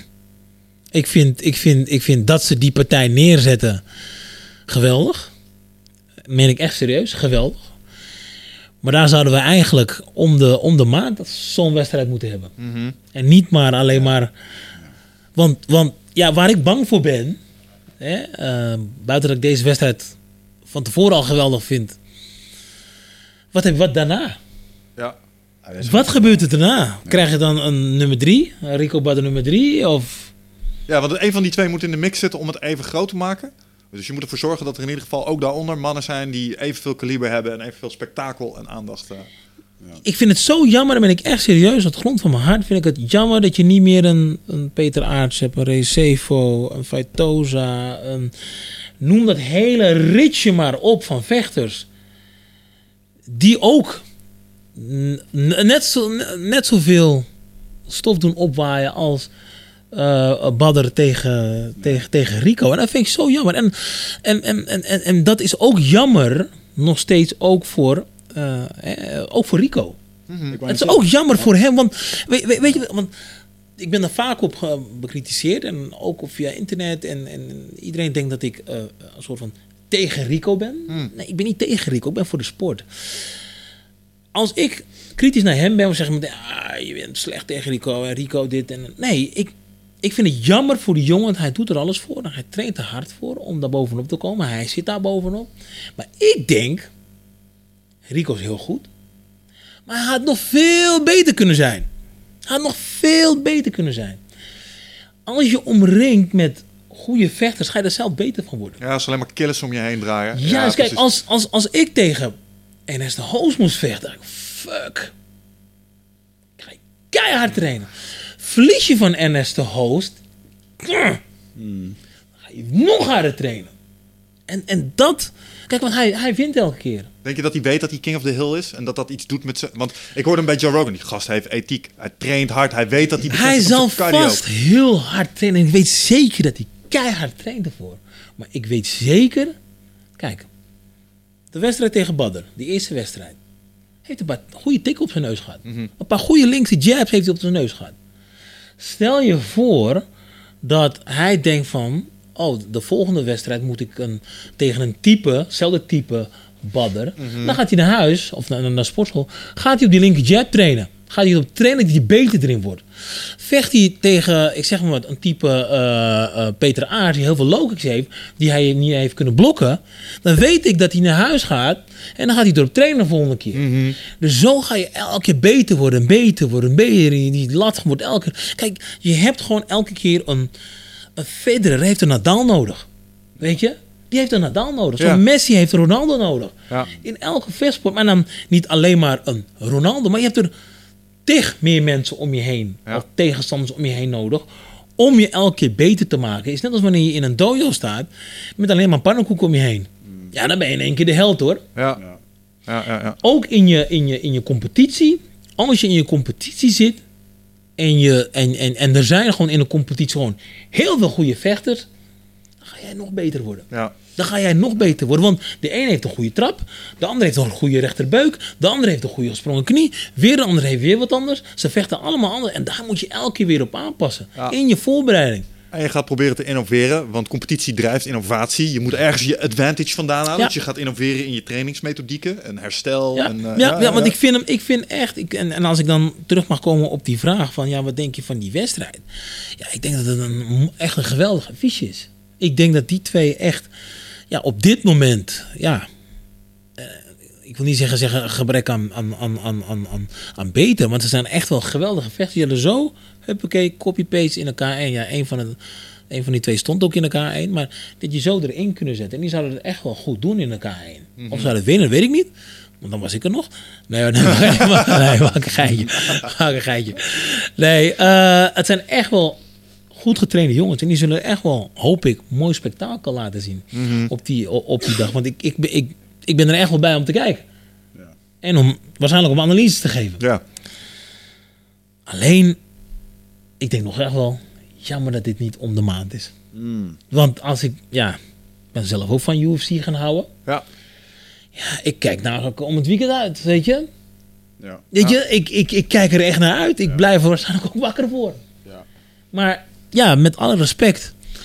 Ik weet niet of ik voor de volgende, hè, want er is binnenkort in september alweer eh Glory een wedstrijd. Ik weet niet of ik daarvoor wakker blijf. Ja. Voor die wedstrijd van 21 december word ik, ja, ben ik erbij, maar daar, daar zou ik wakker voor blijven.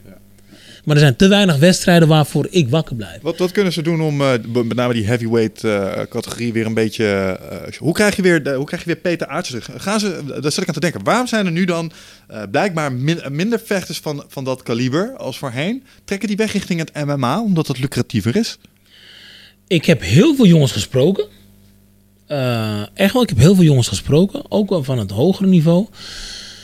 Ja, die allemaal een beetje over die schutting kijken. Van ja, misschien moet ik wel gaan, Boksen of wat dan ook. Ja. gaan boksen, gaan eh, MMA. eh, misschien moet ik wel een UFC. Want kijk, het is natuurlijk niet heel vreemd.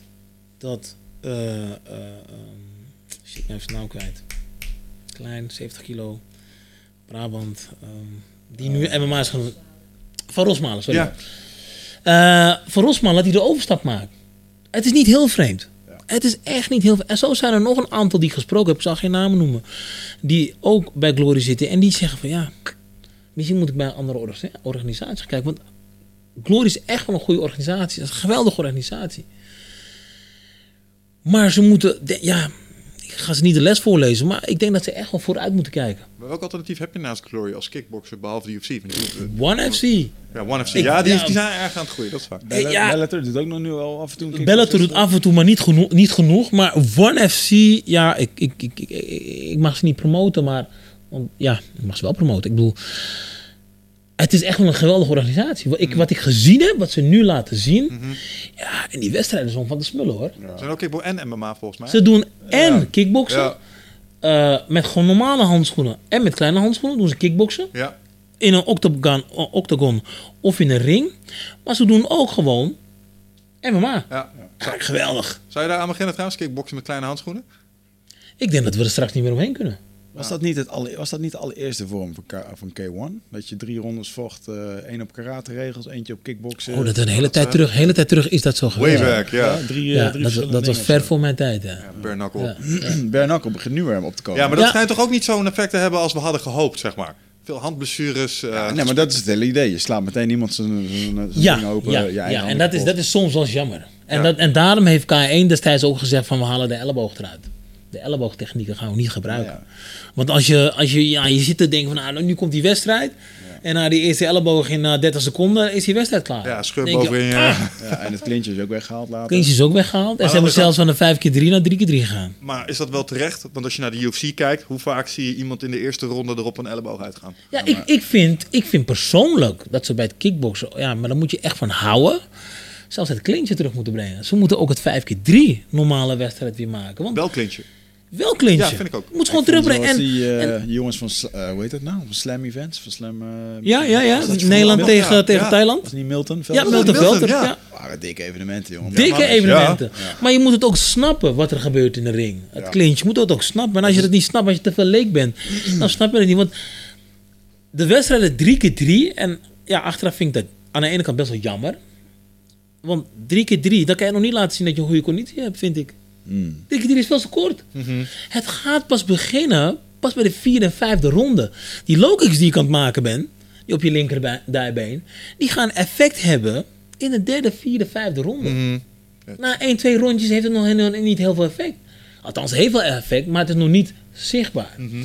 En je gaat pas echt pijn hebben. Je gaat pas moeilijk stoten en moeilijk lopen en moeilijk trappen. Als we in de vierde, vijfde ronde... En daar laat je ook zien... Jij hebt getraind ervoor. Jij hebt getraind ervoor. Maar ik, ja, ik soms zit ik naar drie keer drie te kijken. En dan zit ik te kijken. Die jongens vallen elkaar niet aan ook. Het is een beetje tikken. En dat is nog niet echt spektakel. En ik moet zeggen... Bij zo'n One FC...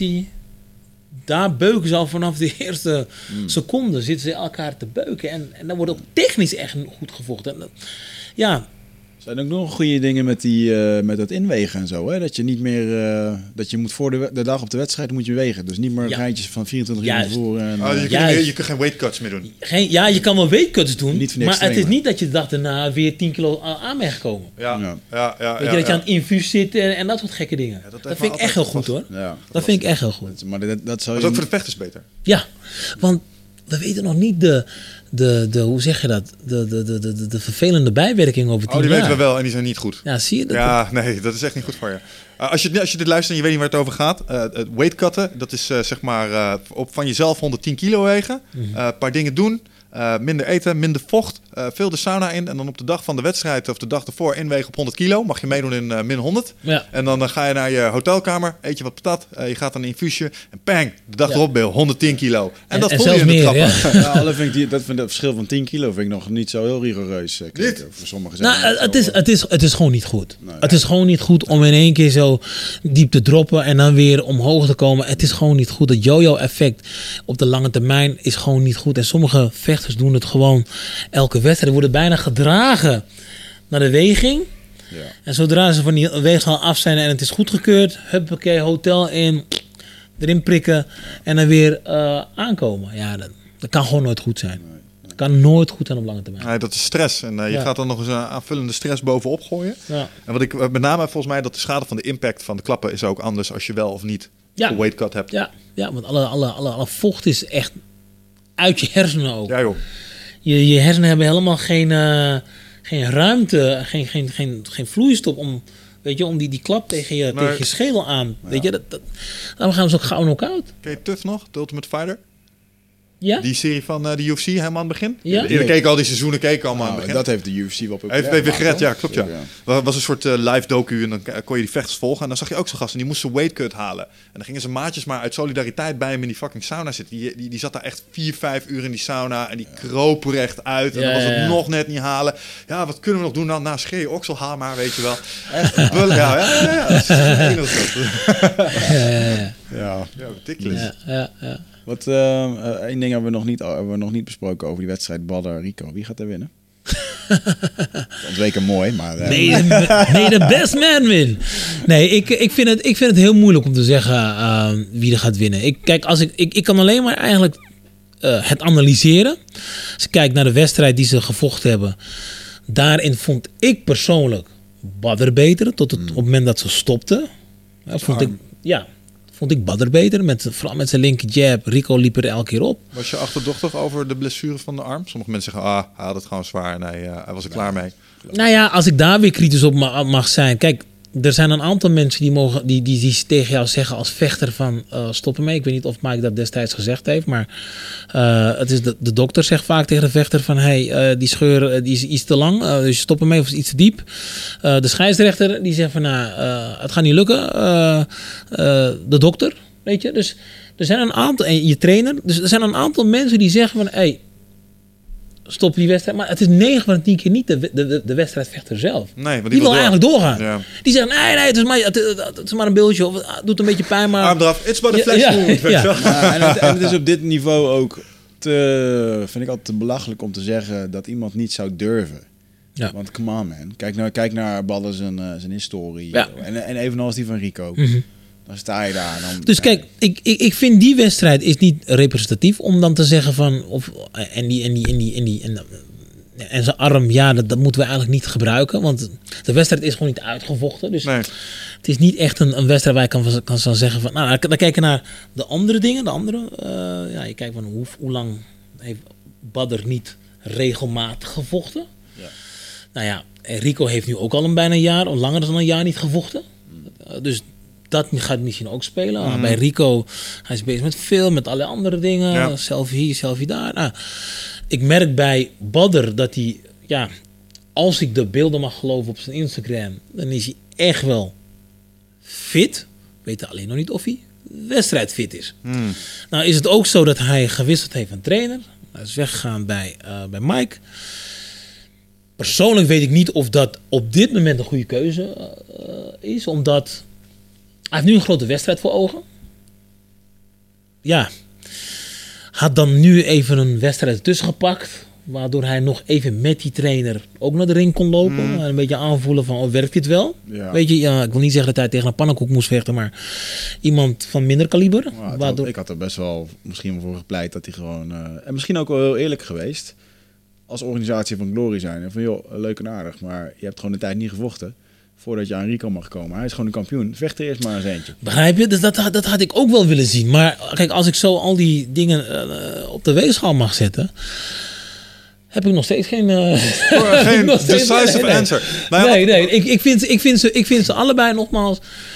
Ze zijn allebei topvechters. En de ene komt uit mijn generatie. En eh, ja, die heeft een knockout in de handen. Dus hij is ten alle tijden is hij gewoon gevaarlijk. Ja. Ja, Rico eh, daarentegen heeft niet echt een knockout in zijn handen of in zijn benen.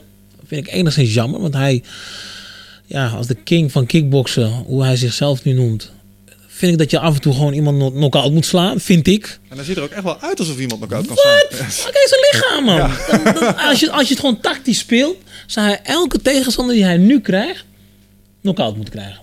En tegen een Guto in een centen vijf rondjes vechten, ja, dan ga je nog bijna zelf zeggen van dat die Guto gewoon eh, de, de, de morele winnaar is, weet je. En waarom lukt het dan niet? Ja, als veteraan. Waar, waar zit zijn... eh, als, je nou, als jij Rico in zijn oor mocht fluisteren voor zijn volgende wedstrijd. Hey, Rico, doe dit eens.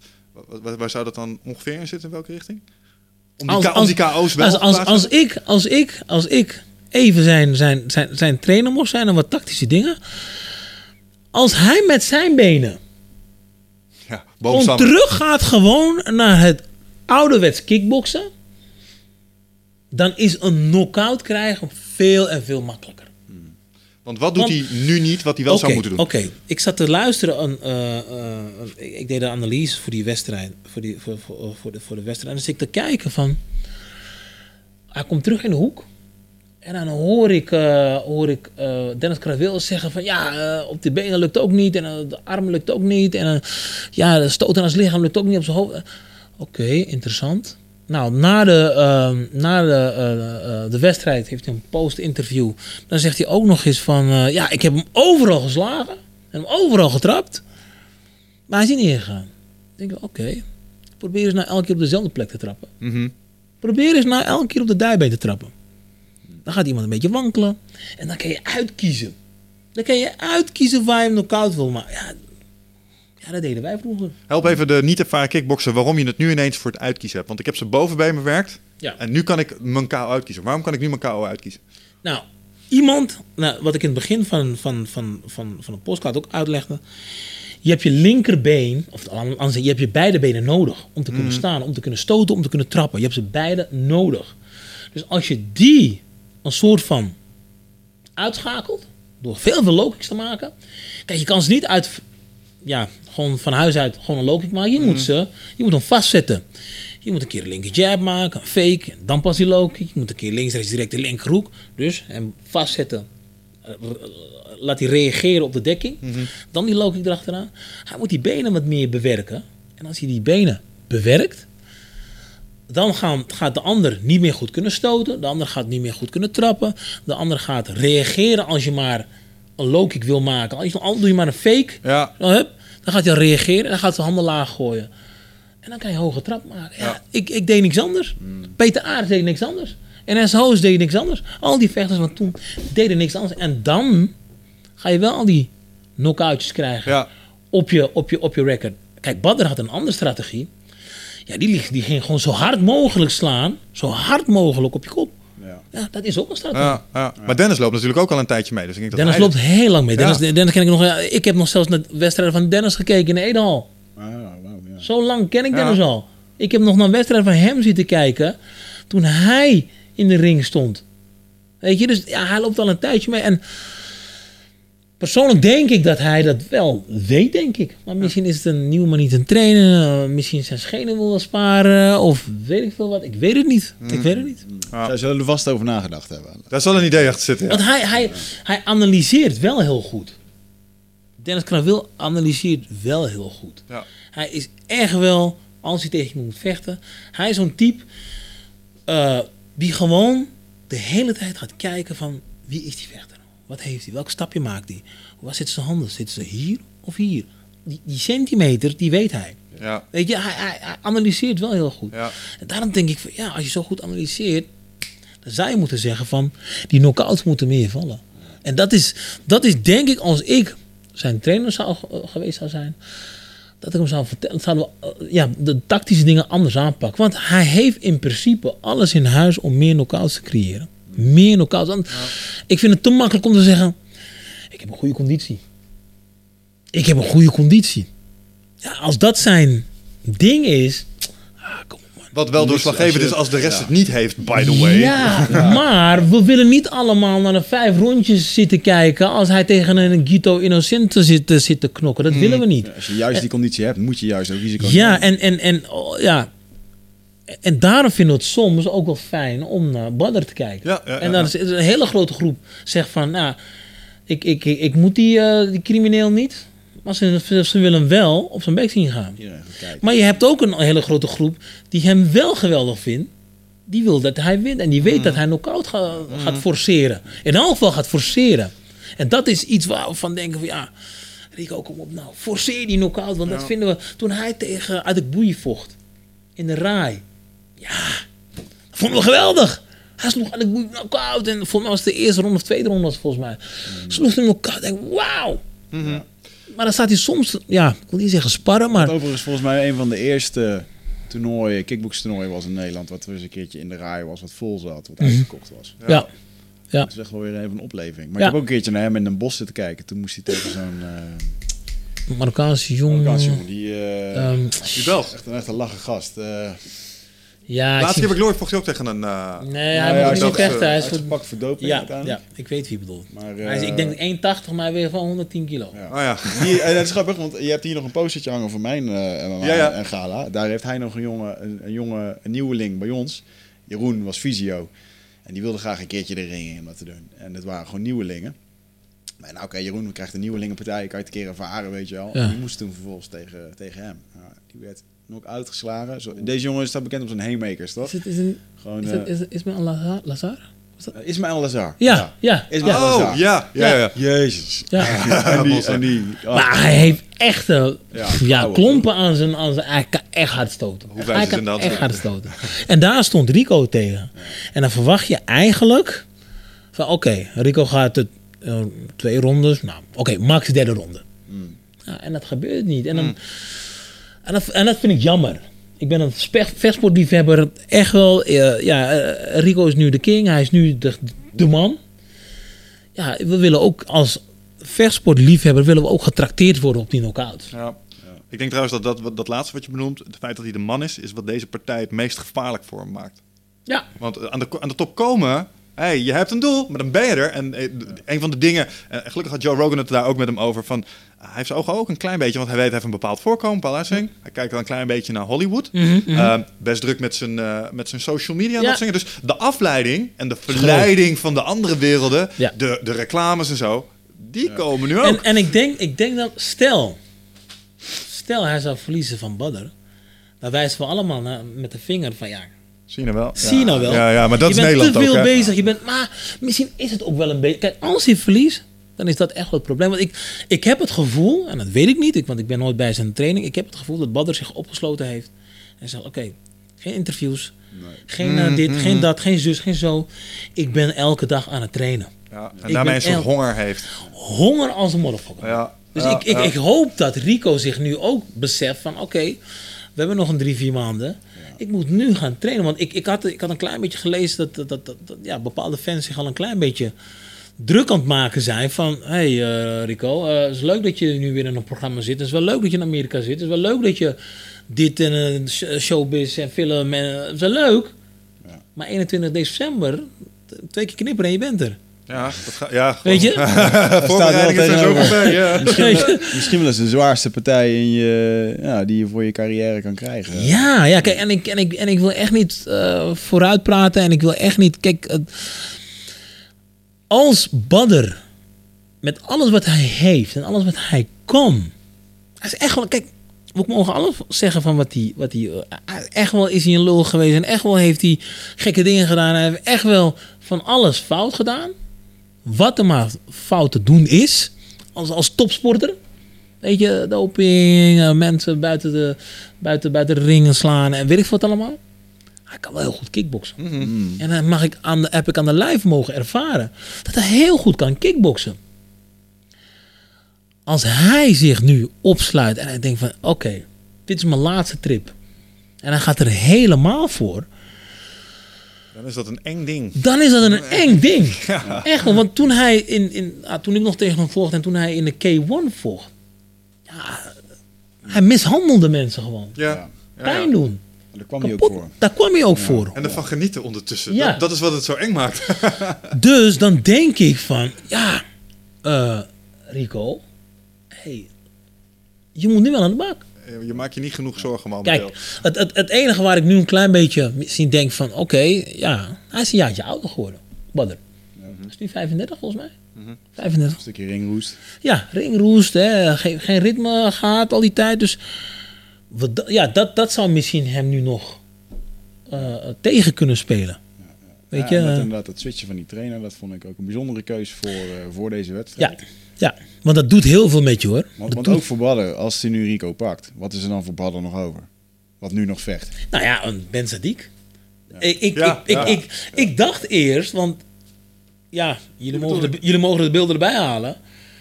Voor mij was de afspraak, eh, Jamal wint het, eh, eh, na, de, de winnaar van het toernooi. En volgens mij heeft Rico dat zelf nog gezegd. Die mag tegen Rico. Volgens mij heeft hij dat nog gezegd. Ja. Toen hij, eh er was de, ze gingen loten, wat ze ook deden. Toen heeft hij gezegd, de winnaar mag tegen hem. En volgens mij heeft Glory dat ook zo gezegd. En, ja, Maar ze hadden het al een keer tegen elkaar gestaan. ja, ja, ja, Ja. maar Ja, je hebt je plek weer verdiend, dus ja, eh, ja, zeker. ja, Ja, toen. Mocht, toen, mocht hij, toen mocht hij het toernooi gaan vechten. En dan mocht hij aanspraak maken, althans de winnaar daarvan mocht aanspraak maken op de wedstrijd tegen, tegen, tegen Rico. Mhm. Nou, hij heeft gewonnen en hij zegt, jongens, wat gebeurt er? Ja. En nu mag Badder tegen Rico vechten. En ik begrijp het helemaal hoor, van... eh, Kijkcijfergewijs sowieso. ja, het, het is een commercieel bedrijf nog steeds. Maar dat is met de UFC ook, met Conor met zijn belts. Kan ook, hij bepaalt eigenlijk gewoon wat er gebeurt.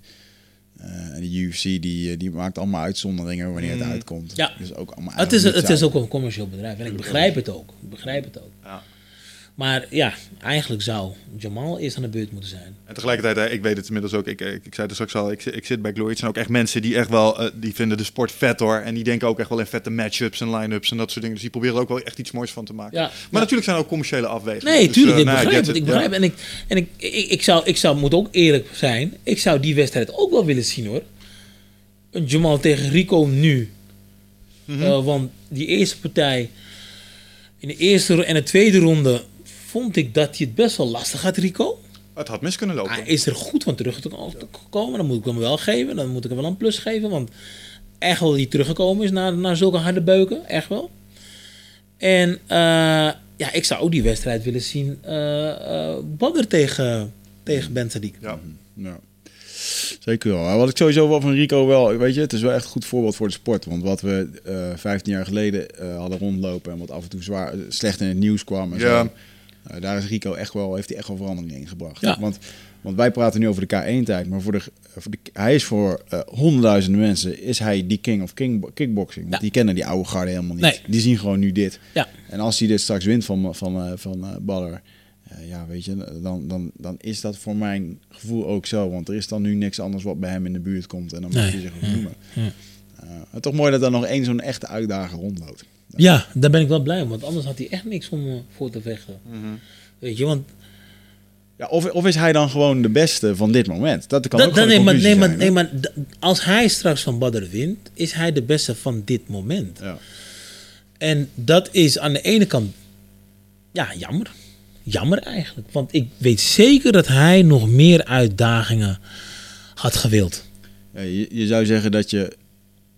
Je wil, hem, je wil hem meer uitgedaagd zien worden Ja. door andere vechters. Ja, ja. en dat, dat vind ik, ja, dat vind ik echt wel jammer hoor. Misschien Want- heb je dat in de UFC bijvoorbeeld met zo'n eh, met zo'n John Jones, wat ook echt super talent is. Ja. Wordt wel uitgedaagd door allerlei verschillende kalibers. Ja. Daniel Cormier, Gustafsson, al dat soort Ja. gasten. ja, ja, ze Niet hebben, het beste voorbeeld, maar ik snap wat je zegt. Ja. Ah, in, de zin van, in de zin van sportiviteit, nee, absoluut niet. Maar, Ja. eh, maar ook, ook daarin kan ik wel echt gewoon kijken van ja, het is makkelijk om te zeggen wat die allemaal fout doen. Maar dan nog zit er wel gewoon een fucking talent in die Natuurlijk. gast. En, Ja. en de prestaties zijn niet mis. Dat het daarbuiten ja, niet helemaal handig gaat af en toe. Ik denk dat iedereen Ja. die vechtsport kijkt, eh Badder met name vervelend vindt.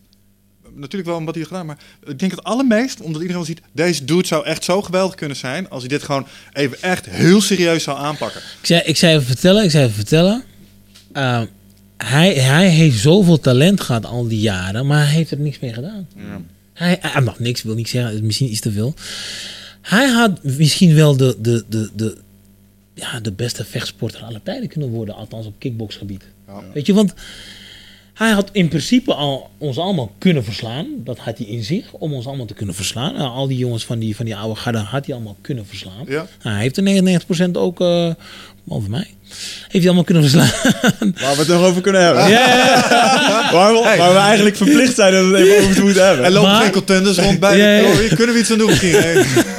Maar, maar, maar, eh, hij heeft het hier en daar weggegooid. Ja. Hier en daar. Kijk, wat, wat, ik ook, wat, ik ook, wat ik ook jammer vond, hè, en kijk, en niemand is het verplicht natuurlijk. Hij is een voorbeeld voor heel veel Marokkaanse jongens. En daar zou hij ook nog een handje bij kunnen helpen. Want hij is echt wel.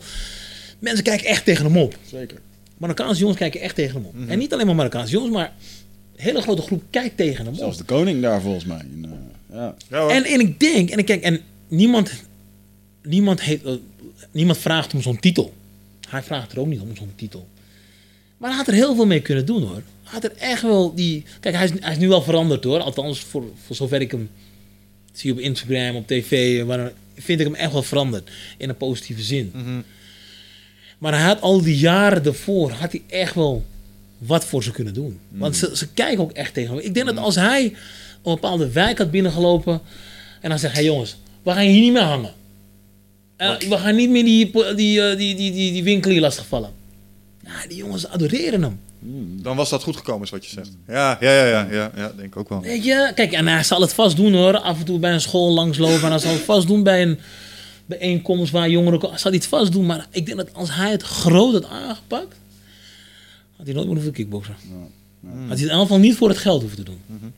Ja. Ik zeg niet dat hij het nu voor het geld doet, maar, Maar- dan, had hij, daar- daar had hij er echt wel stappen kunnen Ja, Het bruggetje is net wel een beetje We moeten- gemaakt, we dus moeten gaan even- weer Oh, oh, Oké, kom maar op, kom maar op. We moeten even naar, Kom we maar, moeten even kom naar het maar. pijnpunt. Eh, jij stond op een gegeven moment eh, tegenover Badder Ja. en eh, daar hij jou een trap na. Ja, En ja, ehm, ehm, vertel eens even hoe dat er voor jou is gegaan. Want er zijn natuurlijk een hele groep, een grote groep aanhangers die zegt, eh, ja, onzin. Hij wist dat hij had gewonnen. Mhm. Ehm, maar daarin denk ik dan ook van ja, eh, jullie hebben alle twee de naam. Jullie zijn niet bang voor elkaar, weet Nee. je wel. Ik bedoel, die, die, die achtergrond, die geschiedenis, die heb je beide niet. Eh, strategisch zou het wel een hele goede keuze zijn, want er stond een groot geldbedrag tegenover. Eh, maar ik laat het gewoon even bij jou. ja, ja.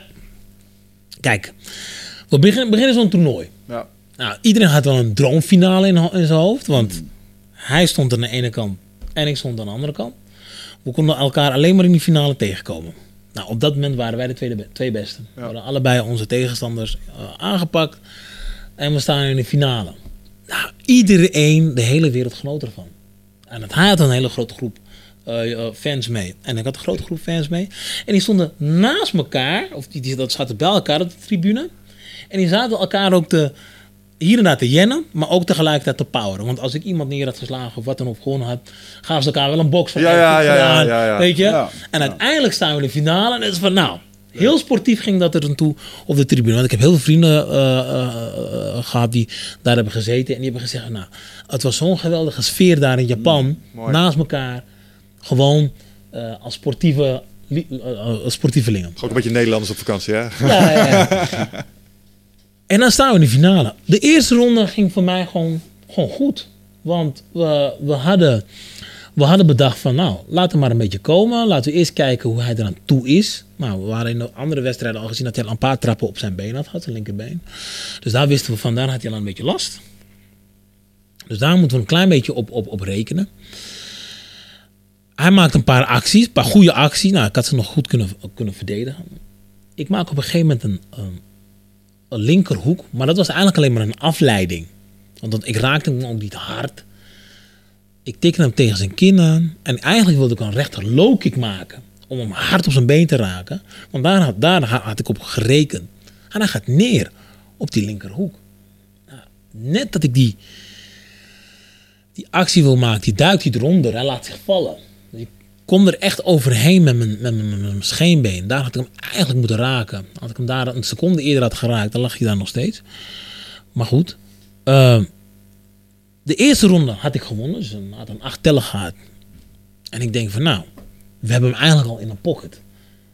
Tweede ronde hoef ik alleen maar uit eh, gewoon weer een, een gelijkspel te hebben. Derde ronde gelijkspel. En ik heb die wedstrijd gewonnen. Weet je? Dus een beetje strategisch kijken, een beetje rekenen. Tweede ronde begin. En ik had het gevoel van, hij, hij, hij was toen al geïrriteerd. Want als je naar die, naar die wedstrijd kijkt, als je in die beelden kijkt.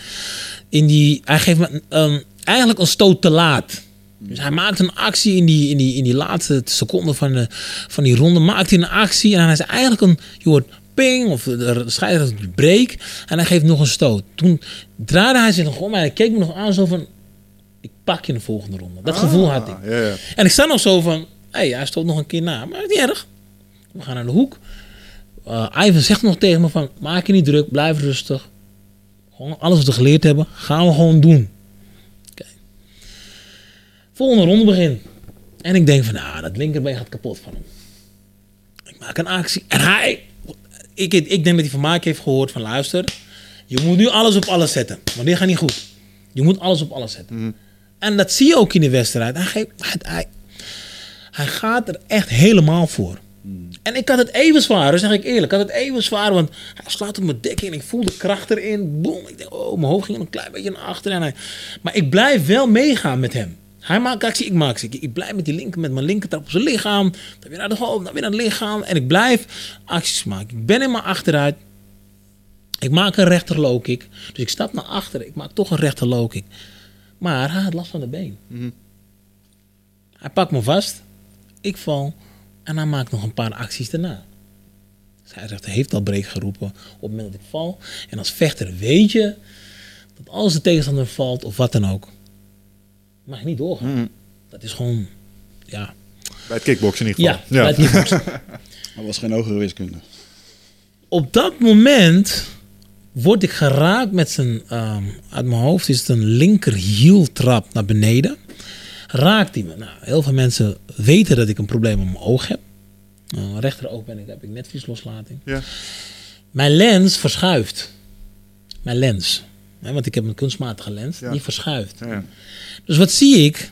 Ik zie dubbel. Ik zie blurry. Dus ik kom in de hoek. Dokter komt erbij. En ik zeg, ja, ik zie dubbel. Ik zie dubbel, jongens. Want uh, het, het risico bestaat gewoon. Als, ik nu, als jij mij nu in mijn oog prik, verschuift mijn lens weer, kan ik Ja. gewoon weer geopereerd worden. Ja. Moet hij weer rechtgezet worden. Oh, zo. Ja, ja. Heel simpel. Oh, het was niet gewoon een, een losse contactlens? Het was Nee, een- nee, oh, nee, niet dat ik even... Nee, check, check, check, check. Ik kon hem niet even eruit halen en zeggen, jongen, we gaan door of hem weer erin stoppen. Gotcha. Nee, als, als jij mij nu, nogmaals, als jij mij nu in mijn in mijn oog prikt of wat dan ook, dan wordt verschuift hij. Dan moet hij weer goed gezet worden. Ja. Hij is kunstmatig erin gebracht. Dan, eh, de eerste lens moet eruit, of, eh, dan moeten we hem erin zetten en dan moeten ze hem weer Ja. dichtplakken. Of dichtplakken, dicht opereren. En dat gebeurde. Dus ik, ik kon ook in principe. Ik kon, tuurlijk kon ik wel verder in de zin van. Ja, dubbel zien. En dan wordt, krijg ik een, een paar klappen liggen op de grond. En dan heeft hij gewonnen. Met had- nog meer trauma aan je... Ja. Had gekund. Maar als ik dubbel zie. Ja, dan, ga ik toch niet, dan, dan kan ik toch niet verder. Dus Nee. de, de dokter vraagt mij. Remy, zie jij? Want in die beelden kan je terugzien. Dan heeft hij voor of zijn vinger of het een, een lampje was het volgens mij. Zie jij het lampje? Ik zeg, ik zie het lampje, maar ik zie hem dubbel. Hij vraagt me een aantal keer. Ze zegt van, nou, je, de scheidsrechter Kakuda was het. Die komt er nog tussen. Eh, en die zegt van, eh hey, eh, je hebt vijf minuten rusttijd. Neem je even je tijd. En dan mag je weer, als je klaar bent, mag je weer verder. Hmm. Ik zie nog steeds dubbel. Ja, wat, wat doe je dan? Ga je dan weer die ringen? Het is gewoon heel simpel. Als wij een kaartspel gaan spelen. En eh, nadat jij vier a's hebt gezien. En ik trek nog een vijfde a's. dat is gewoon vals spelen. Dan stop je toch? Dan stop je toch? En dan, dan, dan zeg je, we spelen niet meer. Rot op man, we spelen niet, je speelt vals. En dat is eigenlijk gewoon gebeurd. En nou had ik, ha- had ik toerlijk kunnen zeggen van oké, we gaan door. Maar dan wist ik zeker dat ik zou verliezen. Dan wist ik zeker dat ik zou verliezen. En iedereen die commentaar erop heeft van... Ja, hij had gewoon door moeten vechten. Ja, hij had gewoon weer op moeten staan. Ja, ik zou jou één oog weghalen en uh, kom we gaan vechten. Ja. Weet je, dus dat... Ja, en niet eens als een gevolg van een actie binnen de rondetijd, maar er ook nog eens buiten, buiten de spelregels om. Eh, ja, katje want, want ik vocht, ik heb, ik heb eh, nog voordat ik in de K1 kwam, had ik mijn eerste operatie al te pakken. Toen zei de dokter al van Remy, dat kickboksen, stoppen ermee. Maar ja, mijn hart zegt van, wij gaan de beste K1-vechter worden. In ieder geval, we gaan een poging wagen. Ik was 2002, had ik mijn eerste operatie al te pakken. Dus toen had het al kunnen gebeuren. Elke stoot die ik tegen mijn oog aankreeg, had mijn lens gewoon ja, weg kunnen schieten. En dan moet weer geopereerd worden. ja, ja, ja. Daarom ben ik ook vier keer aan mijn oog geopereerd. Vier keer ben ik aan ge- geopereerd. Omdat in die, vanaf 2002 tot en met 2010 heb ik af en toe een goede tik er tegenaan gehad. Ja. Waardoor mijn lens verschoof. Maar daarom, ja, eh, mijn dekking. Creepy, Ik man. zeggen, zat is je dan daarom die tussen dekking zo zicht. goed geworden? Ja, mijn, mijn dekking is daarom ook... Ik moest constant dat, die, mijn ogen beschermen. Weet je, omdat het gewoon mis kan gaan. Maar om dat terug te komen, die wedstrijd. En er zijn nog steeds mensen die nog steeds op de dag van vandaag zeggen... Ja, maar ja, door gaan. Ja, ja, dat is moeilijk. En je durft er niet. En je was bang. En bla, bla, bla, bla. Ik ben bang om tegen Badr te staan. Ik heb twee keer tegen hem gestaan. Ik heb tegen nog sterkere jongens dan Badr gestaan. Weet je, want er zijn jongens waar ook van Floor heeft. Waar ik ook tegen gestaan heb. Dus jongens, hoezo bang? En dan sta ik tegenover Badr. En dan speelt hij vals. En dan ga je nog kritiek op mij hebben. Ja, kom op nou. Dat is de omgekeerde wereld. Ja. Dat is toch de omgekeerde wereld. En die wedstrijd is geweest. Eh, achteraf kan ik nog net niet zeggen, ja, dank je wel voor je stomme actie. Maar weet je wat hij, weet je wat hij bij mij weggehaald heeft? Ik heb de K1 gewonnen in 2003. Ik heb gewonnen. Ik heb eh, eerst Peter Graham, dan de volgende, dan Musashi gewonnen. Yeah. 2004 win ik hem weer op normale manier. 2008 mijn eerste wedstrijd win ik op normale manier. Tweede wedstrijd win ik op normale manier. En derde wedstrijd win ik ook. Maar niet op de normale manier. En daar heeft hij bij mij mijn shine weggehaald. En dat, Mm. dat- ja, dat zal ik me eigenlijk een soort van altijd kwalijk nemen. Als ik hem tegenkom, goed voor elkaar hoor. Want er is nu geen, geen beef meer. En wij weten allebei van ja, het is elf jaar geleden dat het gebeurd is. Ja. Weet je, maar we hebben geen beef meer. Maar ja, in die periode vind ik het wel jammer dat het niet op de normale manier gaat. Want was ik gevallen, was hij netjes teruggestapt, waren we opgestaan, had hij nog een kans om te winnen. Mhm. Weet je? Had hij nog een kans? Ja, en tuurlijk, als mijn oog niet verschoven was, of wat als mijn, mijn lens niet verschoven was, had ik ook waarschijnlijk opgestaan en waren we gewoon weer doorgegaan.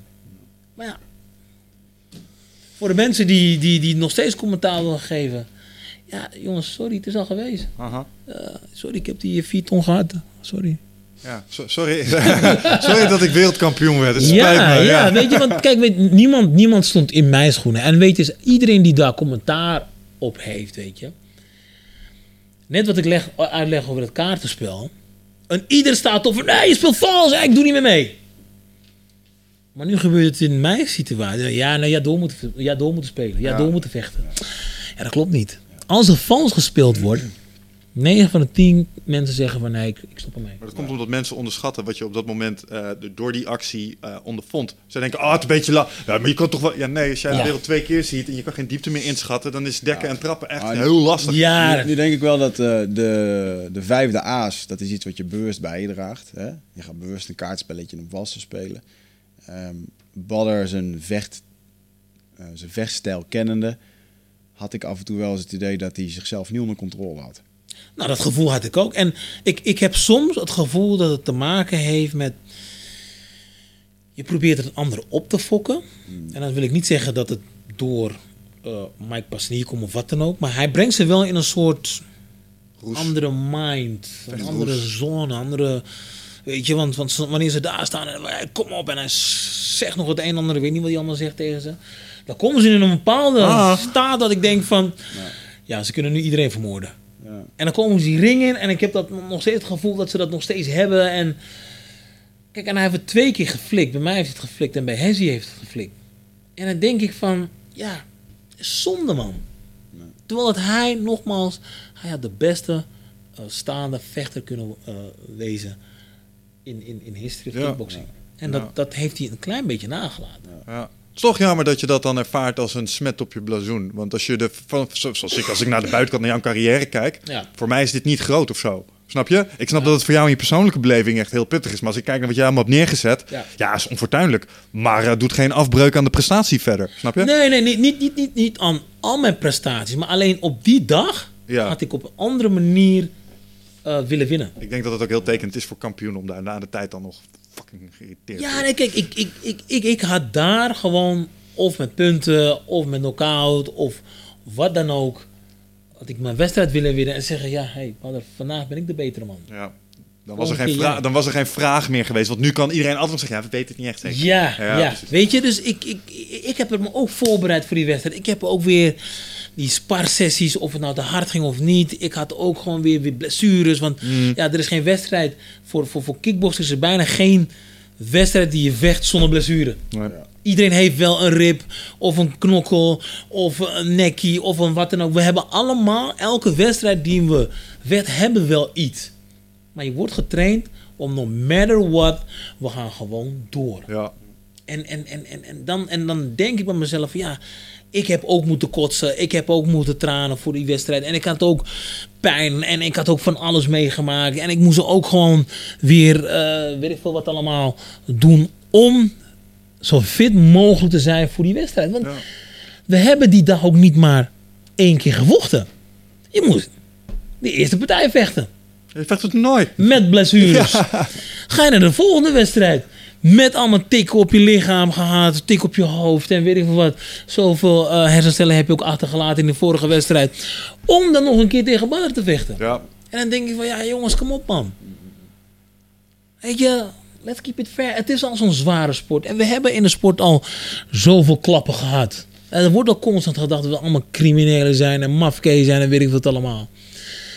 Het zal hem natuurlijk een worst wezen. Maar zo denk ik over de sport. Het is, het is, het is, het is een machtig mooie sport. En dan denk ik bij mezelf, ja, als je zulke dingen doet, dan, dan, dan heb je geen liefde voor de sport. Dan heb je liefde voor jezelf. Dat vond ik echt jammer die dag. Ik dacht echt van zo. En, in, ja, en, en er zijn mensen die dan zeggen, ja, eh, zie hem nou janken, zie hem nou. En ik, ik had er echt, ik dacht echt op dat moment van fucking hell man.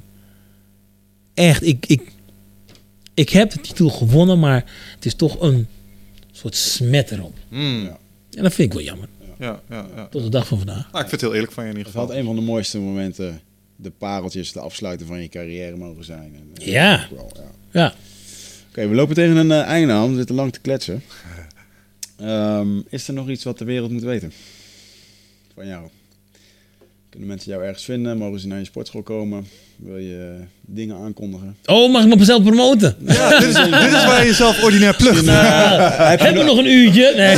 heb, heb je nog een contractje getekend ondertussen ergens? Nee, nee, nee. nee. Kijk, in, in, in, in elk geval, jullie hoeven niet om een comeback te... Nee, comeback Is, is klaar. Want ik... ik eh, ja, voor, voor, voor, voor mensen die nog nooit gekickboxd hebben. Ja, het lichaam zegt... Op, of althans topsport hebben beleefd. Het lichaam zegt op een gegeven moment van... Nee, ik ben er klaar mee. En dat is nu bij mij het geval. Ja.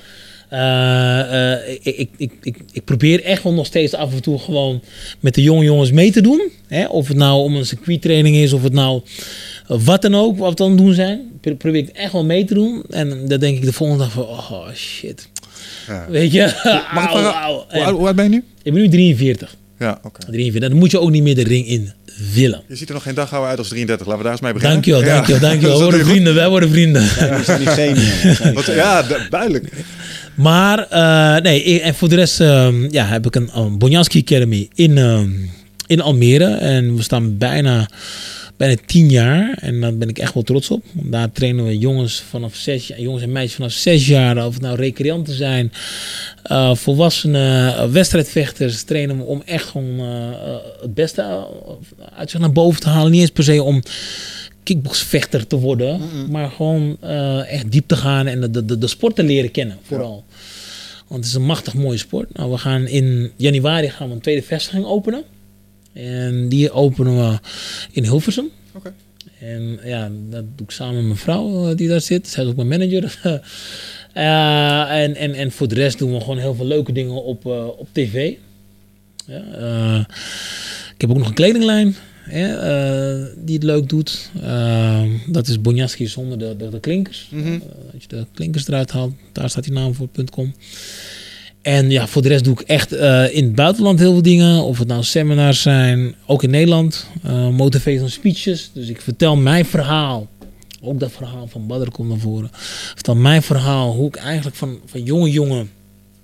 Ja, opgegroeid in Amsterdam Zuidoost. eh, ja, als... als, als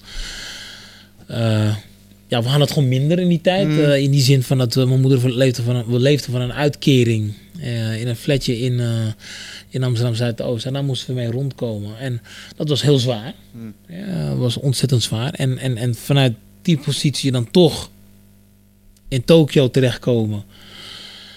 Eh, en de K1 vechten en daar toch drie keer winnen. Ja, dat ben je van, van, van nothing to something, weet je.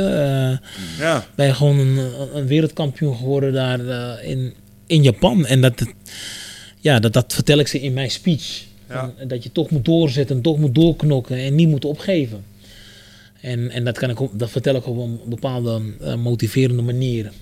Dat, dat, dat er heel, heel veel grote bedrijven die, eh, die mij daarvoor binnenhalen. Ja. Ja. D- d- nog even verlengd daarvan, toch nog één kleine korte vraag. Heb je dat eh, tijdens je hele reis naar, naar Japan en naar de, naar de bovenste regionen ook echt ervaren zo? Star- started at the bottom and now we're here. Zo van, Ja, oh, ja. wow, shit, dit gaat echt lekker. Ja, want kijk, als je naar al mijn kampioenschappen kijkt, die ik gewonnen heb, eh, dus 2003, 4 en, en ook 8. Bij, bij, bij tw- eh, 2003 en 2004 was het misschien nog, nog, nog meer, want toen dacht ik meer daaraan. Kijk, op het moment dat ik win, val ik op mijn knieën, val ik op en dan begin ik te janken. En dan denk ik echt op de momenten dat wij het gewoon, ja, misschien een dag geen eten hadden. Ja. Dan denk ik dat de, de deurwaarders aan de deur stonden van... hé, hey, eh, er moet betaald worden de huur. Dat mijn moeder het, het geld er niet voor had. Dat we misschien een huis uitgezet konden worden. Dus aan dat soort momenten denk ik dan. Mm. Want ik ben echt daar beneden begonnen. Ik Ja. ben echt daar... in een moeilijke situaties heb ik moeten leven. En nu sta ik daarboven. En dat is... op het moment dat je die K1 wint... heb je droom behaald eigenlijk. Je hebt, het, je hebt het gehaald, je hebt je droom behaald. Je hebt, ik heb altijd gedroomd om de K1 te winnen. En je hebt je behaald. Denk, ik, ja, ik ben er. Tegelijkertijd schiet er ook door je hoofd van... ja, je bent nu eh, nou, bij 2003, eh, je bent nu bijna miljonair. In 2004 ben je miljonair. En dan denk je van, ik heb nu wel geld op de rekening. Mm. Ik heb nu wel alles wat ik kan kopen. Nee, ik, ik krijg geen sokken voor mijn verjaardag. Weet je, ik krijg geen functionele dingen meer voor mijn verjaardag of tijdens kerst. Of geen spullen. Ja. Weet je, want ja, ik, ik mag je eerlijk zeggen, ik heb, ik heb echt wel moeten liegen eh, op school, weet je, van... eh, ja, je was jarig, de volgende dag, hé, hey, eh, wat heb jij gehad? Ja, Pietje heeft wel een Transformers gehad en Jantje heeft wel een, weet ik veel wat gehad. Ja, ik heb niks gehad. Mm. Of ik heb een paar sokken gehad, maar dat vertel je niet. Ja, nee, ik heb ook een heel vet autootje gehad, ja. Weet je? Ja, ja, ja. Mooi. Dus nee, ik, eh, ik, ik, ik, ben, ik heb het echt wel zo gezien. En ik ben er echt wel trots op. Ehm, ja, ik weet niet of je het van jezelf mag zeggen, maar ik ben echt wel trots op mezelf. Hoe ik het, de weg bewandeld heb naar boven. ja. Zonder allerlei eh, misstappen te maken. Hè, want oh, in, de, in, de, in, de, in de vechtsport is het gewoon... ehm, Heel makkelijk om afslag te pakken. Ja, Ja, ja, ja. Het, is heel, het is heel makkelijk om een afslag te pakken. Want even voor de mensen thuis die het niet weten, of misschien is dat is dat een andere keer al eh, verteld, omdat jullie vaker vechtsporters hier hebben gehad. Het is gewoon moeilijk om in deze sport, en zeker in die tijd, om daar bovenaan te komen. Want er zijn gewoon, Ja, want in die tijd als je een wedstrijd gevochten als een A-klasser... Nee, laat me iets eerder beginnen. Je bent een nieuweling en je vecht een wedstrijd. Krijg je zo'n beker. Ja. En een C-klasser is hier een paar centimeter groot. Word je B-klasser, krijg je eerste geld. Toen 125 gulden. 125 gulden, zes weken trainen, keihard trainen, klappen krijgen en weer ik wat allemaal. We zien de geld nog niet eens uit, joh. En dan ga je naar de A-klasser en dan mag je blij zijn dat je een 500, 600 gulden krijgt. Ligt ook natuurlijk aan je manager of je trainer of wat dan ook, weet je hoe hij het onderhandelt. En pas wanneer je in- bij de K1 komt, ja, en dan gaan we over tonnen praten en dat soort bedragen. Maar voordat je daar bent, En dat waren er maar, en dat waren er maar acht. weet je Ja, wel. ja, ja. ja. is een leidersweg. Is echt een leidersweg. Dus voor de mensen die daar bovenaan komen, dan mag je echt, echt gewoon trots op jezelf wezen. Je mag echt trots op jezelf wezen dat je de weg. En, en, en als er o- onder de weg daar naartoe. Want het is heel makkelijk voor een crimineel of wat dan ook, een dealer of wat dan ook, die zegt van hé, hey, breng jij dit pakketje even weg? Ja, het is maar een, eh, een keertje op en neer, je krijgt 500 eh, eh, euro van mij. Ja. Of je krijgt 1000 gulden van mij, of, of wat dan ook. Je krijgt een groter bedrag waar jij eigenlijk een twee, drie maanden voor moet trainen. Voor een wedstrijd. En dan krijg je nu vandaag van mij binnen een uur, uurtje werken. Ja, dat is toch makkelijk verdiend. En de, de, de vechters die zeggen, hé luister, ik doe dat niet. Ik doe het niet. Dan maar, dan maar geen fast money. Ik, ik, ik doe dat niet. En dat is best wel moeilijk hoor. Dat is Ja. best wel moeilijk, want die vechter moet ook gewoon de rekening betalen. Die vechter moet ook zijn supplement hebben. Die vechter moet ook eten. Die moet ook eh, af en toe zijn vriendin kietelen. Die, weet je, die moet ook af en toe gewoon... Die wil ook een keer een avondje uit. Ja. Ja, en als die crimineel zegt, nee, jij krijgt het nu hier, hè, boom. Ja. Dan moet je sterk in je schoen staan. Wil je het niet, eh, niet pakken? ja, duidelijk verhaal. En hierover, over deze weg, eh, geef jij in het bedrijfsleven dus ook... Ja, daar vertel jij je verhaal. daar en dan vertel kunnen ik mensen mijn dingen verhaal en dan kunnen mensen hun kracht eruit halen om, om dan toch als ze een keer een dip hebben op hun werk of wat dan ook, eh, dan probeer ik ze daarmee te motiveren. Mooi. Belangrijk. Wij zijn eh, hard bezig met een eh, live setup. Dan een beetje live. Dan wordt dat hier in de studio live geëdit. Mhm. Zou je het een keertje lachen vinden om hier eh, met wat andere vechters een keertje zo'n UFC te gaan kijken? En dat we gewoon een beetje gaan kijken en eh, erover kletsen. Terwijl we die partij zitten te kijken. Ik zou het leuk vinden. Gaan we doen. Te gek. ik Ja, zou hoor. het leuk vinden, ja. ja want Mooi. ik, de laatste tijd blijf ik best wel veel wakker voor, eh Voor de UFC. Ja, Ja, zeker. ik vind het echt... eh, Fight pass erbij. Alles goed. Ja, ja. nou, ik, ik, ik, ik... Fight Pass, ben je kan er nu toch gewoon vier dingen kijken, via Ziggo. Ik heb geen eens een tv, dus eh, ik kijk Ik heb ook geen... ja, ik, kijk- ik kijk via internet. Sorry. Ja. Ik kijk gewoon online, man. Je kan het live kijken via, via Ziggo. Oh, dat wist ik niet eens. Via- ja, Ah, te via. Veronica. Mooi. Via Maar wij hebben hier geen Ziggo-aansluiting, Nee, dus we via doen het hier. Veronica kijk sorry. Via Veronica kan je het gewoon live Oh, echt? kijken. Ja. Ja, Ja, perfect. we, Gaan we dat verzinnen, doen. we verzinnen wel wat. hè. Ja, dat komt wel goed. Komt goed. Oké, man. Dankjewel in ieder geval voor je komst. En eh alle succes met wat er komen gaat. Dankjewel. En jullie ook heel veel succes. Het is een leuke podcast, dus ik... eh, heel veel succes mee. Thanks man. Dankjewel. Luisteraars, volgende keer. Doei. Doei. Ciao.